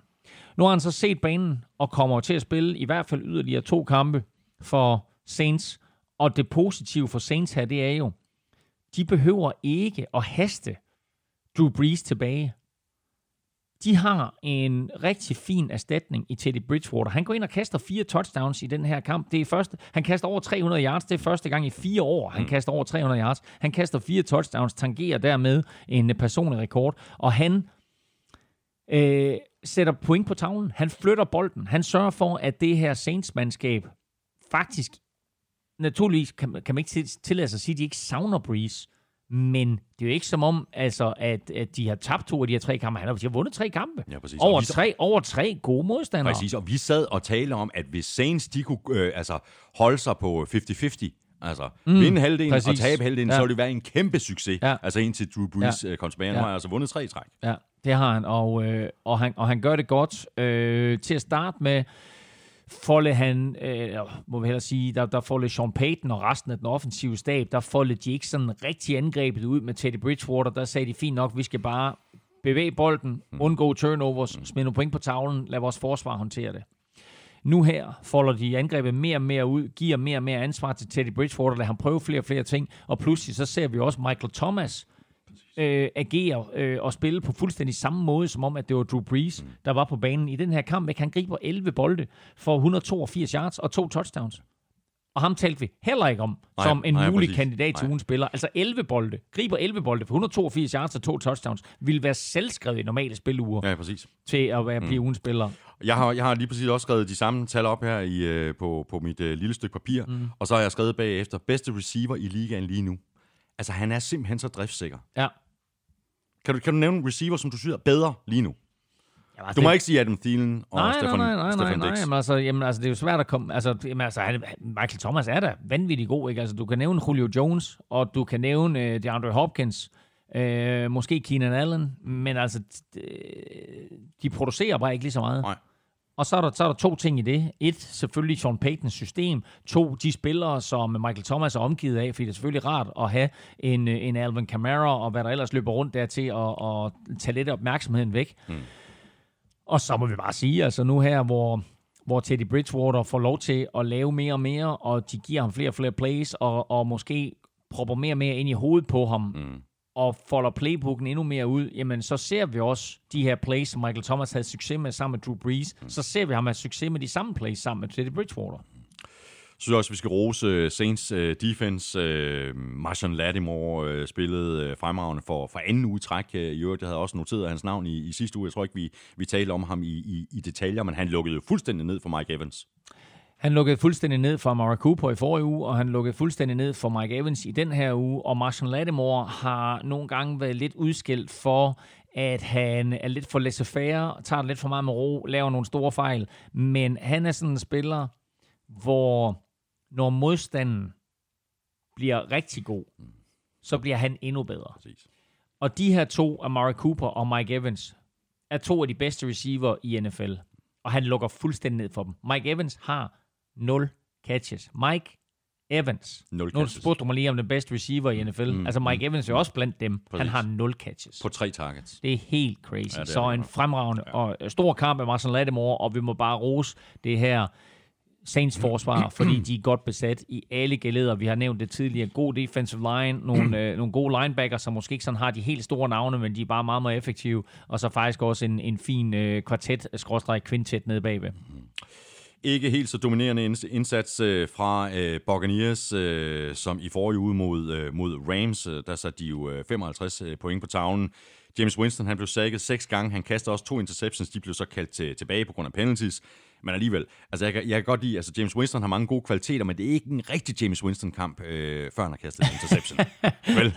Nej, øh, men altså, øh, det her det, er- altså, det er noget af det bedste, vi har set ham spille, og han har jo helt sikkert haft behov for, at der kom en Bruce Arians ind til at se lidt, skik, øh, lidt skik, både på angrebet, men også på hans spil. Mm. Så øh, Bruce Arians, der har det her øh, nickname, The Quarterback Whisperer, han, øh, han visker i, øh, i, du, i uh, James Winstons ører, og indtil videre, der, der er det gået godt. Øh, det her, det er, jeg synes jo faktisk stadigvæk, øh, at, øh, at, at selvom de er de to og tre nu, øh, De to og tre, ja. boks, ikke?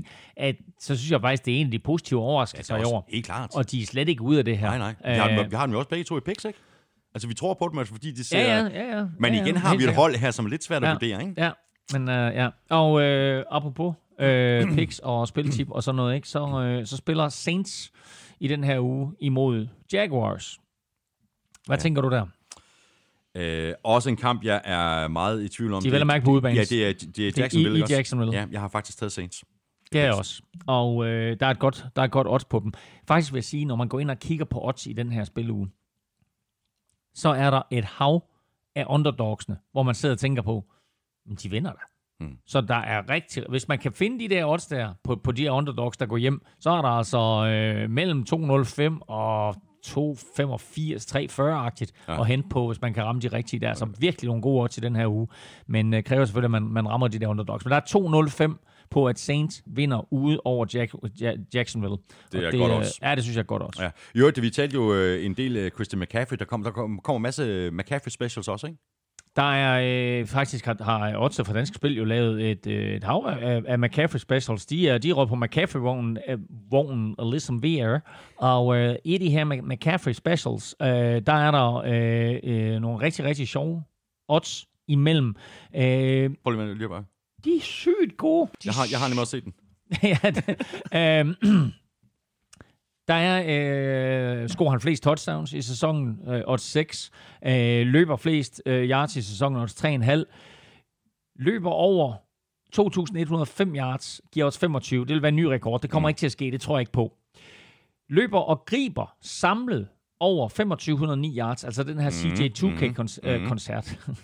Hvor, hvor fanden kom det fra? den her CJ2K, øh, det, det lyder som en koncert, ikke? Jo. Vi skal da se CJ2K i aften. De var helt vildt gode. Ja, øhm, men øh, kan han slå rekorden her, så er der faktisk odds 9 på det. Ja, det er godt odds, fordi det er ikke helt tosset, vel? Det synes jeg faktisk er helt tosset. Og så kommer der en lille sjov en her. McCaffrey bliver MVP i NFL. Odds 13. Det er også godt odds. Fordi hvis han fortsætter på den her måde, ja, hvem, hvem er han så op imod? Så er han op Russell, Russell Wilson, ikke? Lige nu, ikke? Og så må vi se, om, om Mahomes han finder om, tilbage. Om Mahomes han kommer tilbage. Ja. Ja. Så odds 13, hvor du, ja, det ved jeg ikke, på papiret, så har du en tredjedel chance, ikke? Jo, jo. Altså, Det er da kanon odds, mand. lige, nu, lige nu synes jeg, det er et, et rigtig godt odds. Der er, øh, 3, 7, der er 14 odds derinde i øjeblikket, 14 vedmål derinde i øjeblikket på, på, på Christian McCaffrey. Fantastisk. Så lad os lige øh, lukke og slukke for den sidste kamp uh, med at notere, at øh, Saints altså er 4 og 1, og de skal til Jacksonville og spille mod Jaguars. Box de er 2 og 3, og de spiller uh, deres hjemmekamp mod Panthers i, i London. Og det var, det var det. Det var femte spilrunde. Det betyder, at vi skal øh, kigge fremad øh, lige om lidt, når vi skal sætte vores picks. Øh, du får også tre skarpe øh, spiltip øh, fra Elming til oddset fra Danske Spil, og så skal vi også se, om der er nogen, der har ramt rigtigt i oddset-quizzen, og vi skal også omkring de to quizzer, vi satte i gang i begyndelsen af udsendelsen. Lige her nu, der skal vi, øh, som vi plejer at gøre på det her øh, tidspunkt i, øh, i udsendelsen, der skal vi have et, øh, et lynhurtigt kig på toppen af dit øh, momentometer, Claus. Jamen, øh, hvem tror du ligger nummer et? Det tror jeg, at øh, Patriots gør. Det gør de også. Og så lå øh, Kansas City Chiefs jo øh, nummer to, men øh, de har måttet overlade pladsen Til til 49ers. New Orleans Saints. Da, da, da. New Orleans Saints, ligger nummer to. Hvad er deres... Øh, De er 4-1. hvordan kan de være foran øh, for Niners, der er 4-0? Det kan de. Kæft, det er et lortemomentum. Nej, nej, nej, nej. Og på tredjepladsen, 49ers. nej, nej. Ah, Okay, så får for den egen den skide tredjeplads. det er stærkt. Og hvis du vil se hele det her momentometer, så ligger det det samme sted, som det altid plejer at gøre. Det er inde på gulklud.dk, og øh, når du alligevel er derinde, så er der masser af nyheder om NFL og en masse små øh, videoer og highlights, øh, og jeg skal komme efter dig. Vi skal have quizzen. Åh. Oh. Det er tid til quiz, quiz, quiz, quiz, quiz.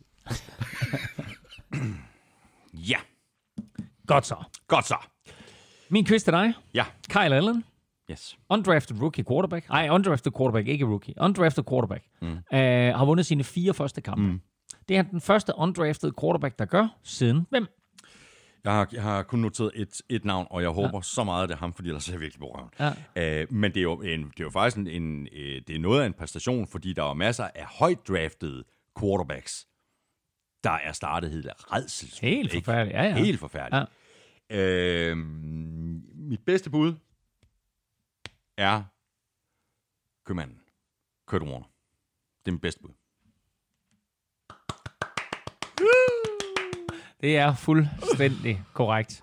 Du aner ikke, hvor Øh, let, du, ej, det er- det du aner ikke, hvor lettet jeg er. Det er stærkt. Det er virkelig, virkelig stærkt. Det er godt hævet frem, Jeg det kunne, der. ikke, jeg kunne ikke komme Nej. i tanke om andre. Nej, men... Øh, nå, nej, nej, lige nøjagtigt. Altså- ja, det er svært. Men, øh, ej, det, det, er, det er sejt. Men det var lige nøjagtigt Kurt Warner. Fantastisk.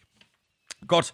Og så var der øh, det quizzen øh, før kampen mod Colts øh, med øh, 13 point. Øh, hvad var da det laveste antal point, som Mahomes har sat på tavlen i sine hidtidige starter? Jamen, jeg siger 26. Og det er... det er spot on, du, fordi det var mod Cardinals sidste år i, i uh, U10. Uh, der vandt uh, Chiefs uh, 26-14. Og så har uh, Armstrong faktisk skrevet her, selv efter kampen mod Colts, der har uh, Mahomes i snit sat 33,4 point på tavlen i sine mm. 24 starter. Det er meget godt. Ja, godt nok. Hvordan vidste du 26? Jeg så en, øh, jeg så en statistik et eller andet sted, hvor der stod, at øh, det var første gang i Mahomes' karriere, at han havde scoret under 26 Okay. point. Og så måtte det jo ligesom være 26, der var hans laveste.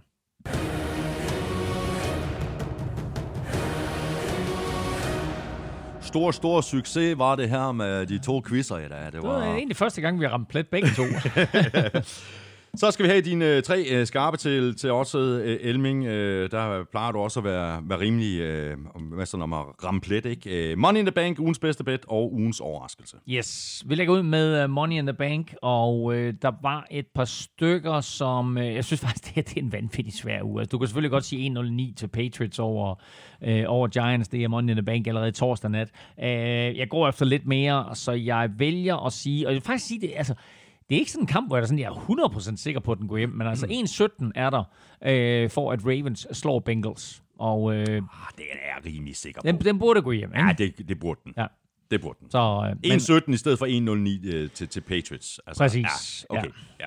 Uh, lad os lige se, for det var en mere, nu skal jeg lige se, om jeg kan finde, som jeg havde, uh, som jeg havde overvejet, nemlig, uh, som gav lidt mere i odds, uh, men den kommer faktisk i en anden sammenhæng lige om lidt, Okay. og det var faktisk, jamen det var faktisk Dallas Cowboys over New York Jets til odds 31, mm. uh, og den har jeg så faktisk under ugens bedste bet, ikke med øh, odds 1,30.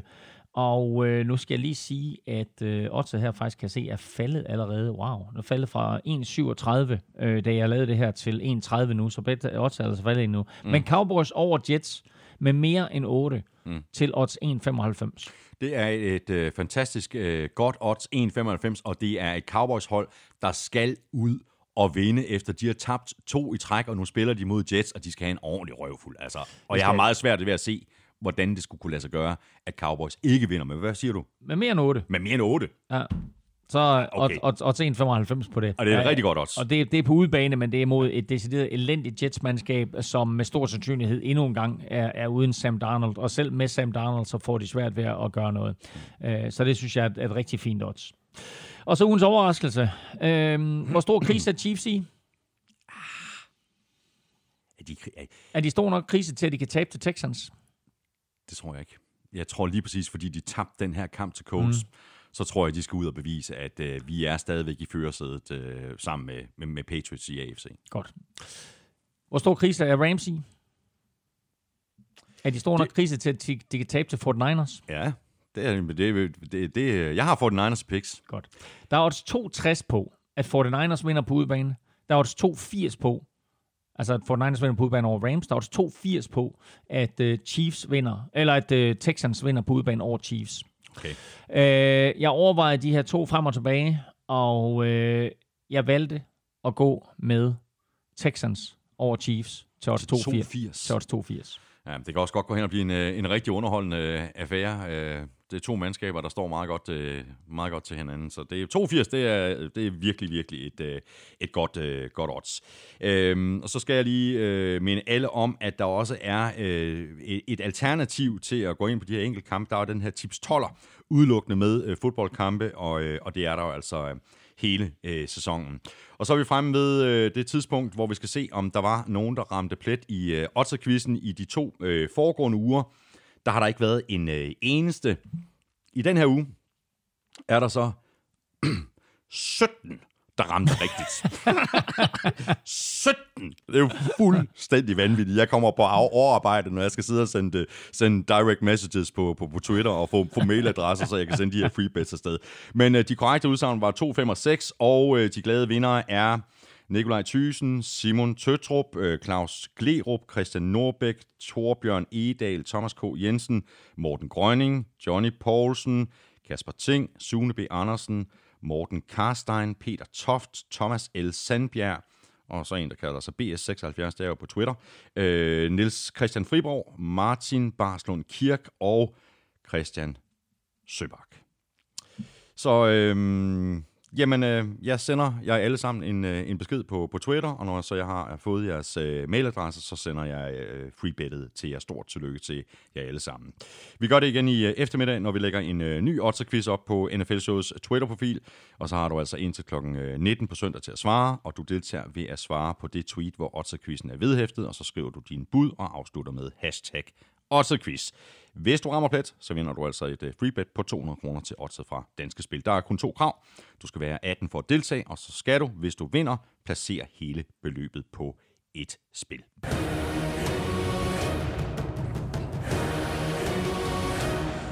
Og så skal vi have sat vores øh, picks til øh, 6. spillerunde. Før vi gør det, så skal vi lige have en opdatering fra The Statman, Lukas Willumsen. Lukas skriver om en fantastisk, øh, en fantastisk runde, øh, skriver han sådan her. Efter en øh, historisk høj spredning i jeres picks, der løb øh, Thomas afsted med en 10-7 sejr, hvilket bringer den samlede stilling op på 49-45 til Thomas. Efter fem spillerunder har Claus fortsat ikke ramt en Panthers kamp, og Thomas har fortsat ikke ramt en Titans kamp. I var til gengæld begge smarte at gå imod hinanden i disse kampe, og det kunne ligne en god idé igen i denne runde. Derudover så har øh, Thomas øh, misset Packers seneste tre divisionsopgør, men han har til gengæld ramt Rams seneste syv divisionsopgør. Claus har kun ramt rigtigt to af de seneste otte gange, hvor Packers og Lions har spillet imod hinanden, men han kan glæde sig over at have ramt rigtigt i opgøret mellem Rams og 49ers hele fem gange i træk. Bum. Ja, det er jo faktisk meget interessant det her, fordi du har ramt øh, rigtigt med i Rams 49ers hele fem gange i træk, og jeg har ramt rigtigt i Rams seneste syv divisionsopgør. Så hvis vi siger to forskellige ting, så er der en ja, af de her stimer, der bliver brudt. tror jeg ikke, vi gør. Jeg tror, vi, tror, vi, siger- tror, vi siger det samme, faktisk. Ja, men øh, det er godt. Jamen, øh, vi skal til det nu. Øh, fire hold er på, på bye. Det er øh, Bills, Bears, Colts og Raiders. Og det betyder altså, at der kun er, øh, er 14 kampe. Patriots, Giants. Patriots. Patriots. Buccaneers, Panthers, Bucks. Bucks. Dolphins, Redskins, Uh. The Tank Bowl. Hvem, hvem er uden sejr efter den her kamp? Øh, jeg tager chancen og siger, at Redskins er uden sejr. Jeg går med hjemmehold, jeg ser Dolphins. Gør du det? Ja, ligaens dårligste hold. Jeg har sat sig på ligaens dårligste hold. Jamen prøv at høre, jeg, jeg er der også, at... Kæft, hvor er det sindssygt, mand. Jamen altså... Øhm... Åh, oh, Dolphins, jeg havde, jo, jeg havde jo slet ikke forestillet mig, at, at de ville komme i den her situation. Jeg siger Redskins så. Okay. Øhm, så har vi øh, Vikings Eagles, et brag af en kamp. øh, den er også svær. Jeg, siger, jeg går med hjemmeholdet, jeg siger Vikings. Jeg siger også Vikings. Hvorfor, hvorfor siger du, øh, jeg går med hjemmeholdet? Fordi jeg tror, jeg havde sagt Eagles, hvis, øh, hvis de havde spillet i Philadelphia. Ja, der er en statistik for mig, øh, som jeg kom, øh, som jeg, jeg faldt over i den her uge her, som er meget overraskende. Og det er, at øh, efter, hvad giver det? Det giver 78, 78 kampe, øh, er der spillet indtil videre i, i årets NFL. Der er scoren 34 hjemmesejre, 43 udsejre Ja, og en enkelt uafgjort. Ja, det er vildt. Det er vildt. Ikke? Jo. 43 udsejre. Det, Ja. ja. det er lidt usædvanligt. Der plejer at være øh, mange flere hjemmesejre, Ja, ja, ja, men altså ja. kun øh, 34 hjemmesejre, 43 udsejre. Tankevækkende. Øhm, så er vi fremme med øh, Chiefs Texans, øh, og med samme øh, argumentation, siger Chiefs. Øh, nu går jeg score ind og siger Texans. Sådan der. Du har også noget, du skal hente. Øh, så har vi øh, Jaguars Saints. Siger Saints. Jeg siger Jaguars. Nej, hvad er det, jeg siger? Jeg siger Saints. Saints Du siger også Saints. Jeg siger Ja, Saints. det sagde Saints, også tidligere, Undskyld, jeg siger Saints på udebane over Jaguars. Ja, præcis. Øh, puh, så kommer der også en her. Browns Seahawks. og den er, ikke, den er ikke så nem. Brown, den er Brown, bare overhovedet Brown, ikke nem. Browns er hjemme, Ja. og øh, ej, jeg siger Seahawks. Jamen, jeg har sagt Browns. Ja.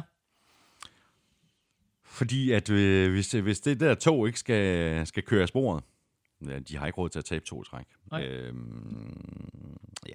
Jeg er meget i tvivl. Nå, men jeg siger Browns. Øh, Ravens Bengals. Ravens. Ravens. Rams 49ers. Ja, 49ers. Øhm, Ja, det er ikke fordi, jeg er sikker. Altså, det lyder som om, når jeg siger, ah, for, for det, det, det, det, det er lidt vildt at tænke på, ikke? Jo. At Rams er på hjemmebane. Og øh, altså, de er 3 og 2, det er jo ikke det. Altså, men, men de har bare tabt to kampe, og det der 49ers kunne lige så forsvar... godt have vundet ja, men, nej, Seahawks. ved du hvad, jeg, jeg, nej, jeg går med 49ers på grund af deres forsvar. Okay, jeg siger simpelthen, øh, det, det der, det bliver så fed en kamp. Ja, det er godt. Nu, nu, nu kaldte jeg tidligere i podcasten, at Vikings mod Eagles var, var den her uges øh, største kamp, men altså øh, 49ers mod Rams har bare så mange implikationer, Helt vildt. øh, både med hensyn til, hvem der, hvem der hersker i NFC West, men også på den lange bane med hensyn til slutspilspladser. Ja, er du tosset, mand. Øh, ja, og Rams, altså, nu har de tabt to i træk, men de kunne lige så godt have vundet den der meget, meget svære udkamp øh, i Seattle. Seahawks, i, ja, ja, ja. I Seattle. Altså, Ja. det er Enig. Greg the Leg, der, Ja. der, der misser til sidst, ikke? Altså, så er det jo ikke, fordi Rams, de er, de er dårlige. Øh, De var ikke helt lige så imponerende, som de var sidste år. Så vi siger begge to for Niners, så har vi øh, Cardinals, Falcons. Bliver- Cardinals, Cardinals har lige vundet deres øh, første kamp. Mm. Øh, Falcons, det er godt nok skuffende. Øh, det er i Arizona, at de spiller. Øh, og jeg siger Falcons. Cardinals er underdog på hjemmebane. Der er også er 2-15 på dem, og jeg siger Cardinals. Okay. Jets, Cowboys. Cowboys. Cowboys. Og øh, Broncos, Titans. Øh, Broncos. De vinder to træk. Jeg siger Titans. Spændende. Chargers, Steelers. Den er heller ikke nem. Nej, og jeg er ikke imponeret. Heller ikke over Chargers. Nej, Det er jeg bare ikke. Nej. Men jeg siger Chargers. jeg siger også Chargers. Og, og ved du hvad, jeg ændrer det faktisk nu. Jeg havde, jeg havde faktisk taget Steelers. Nu ændrer jeg det. Okay. Hvad har du fået dig til at tage Steelers?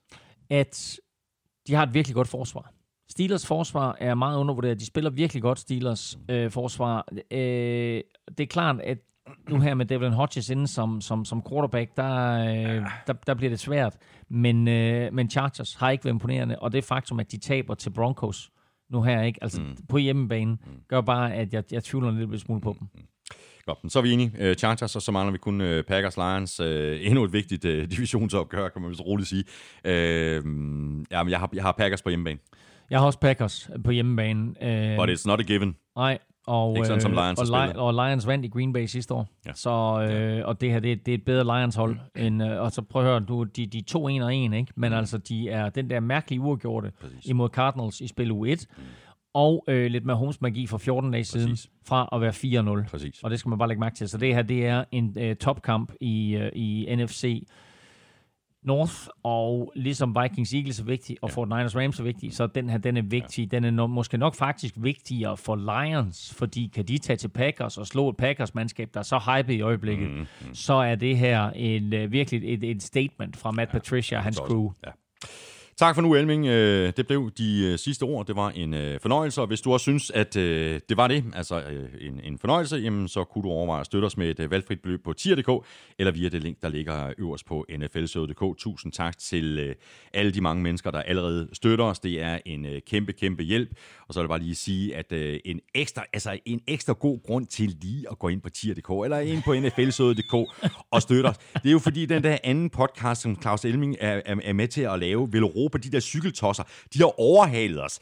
Og mellem os, kære lyttere, det er pinligt.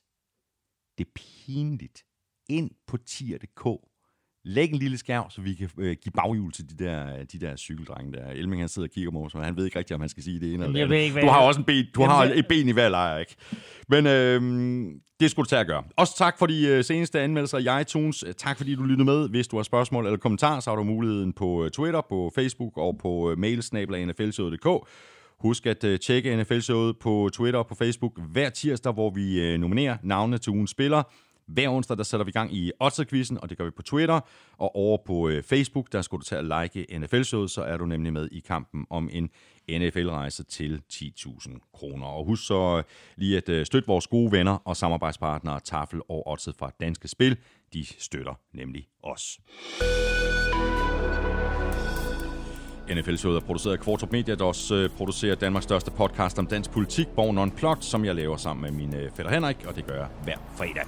Følg Elming på Twitter på snablag NFLming. Mig kan du følge på snablag Thomas Kvartrup. Vi er tilbage igen næste onsdag. Ha' det rigtig godt så længe. Hot, hot.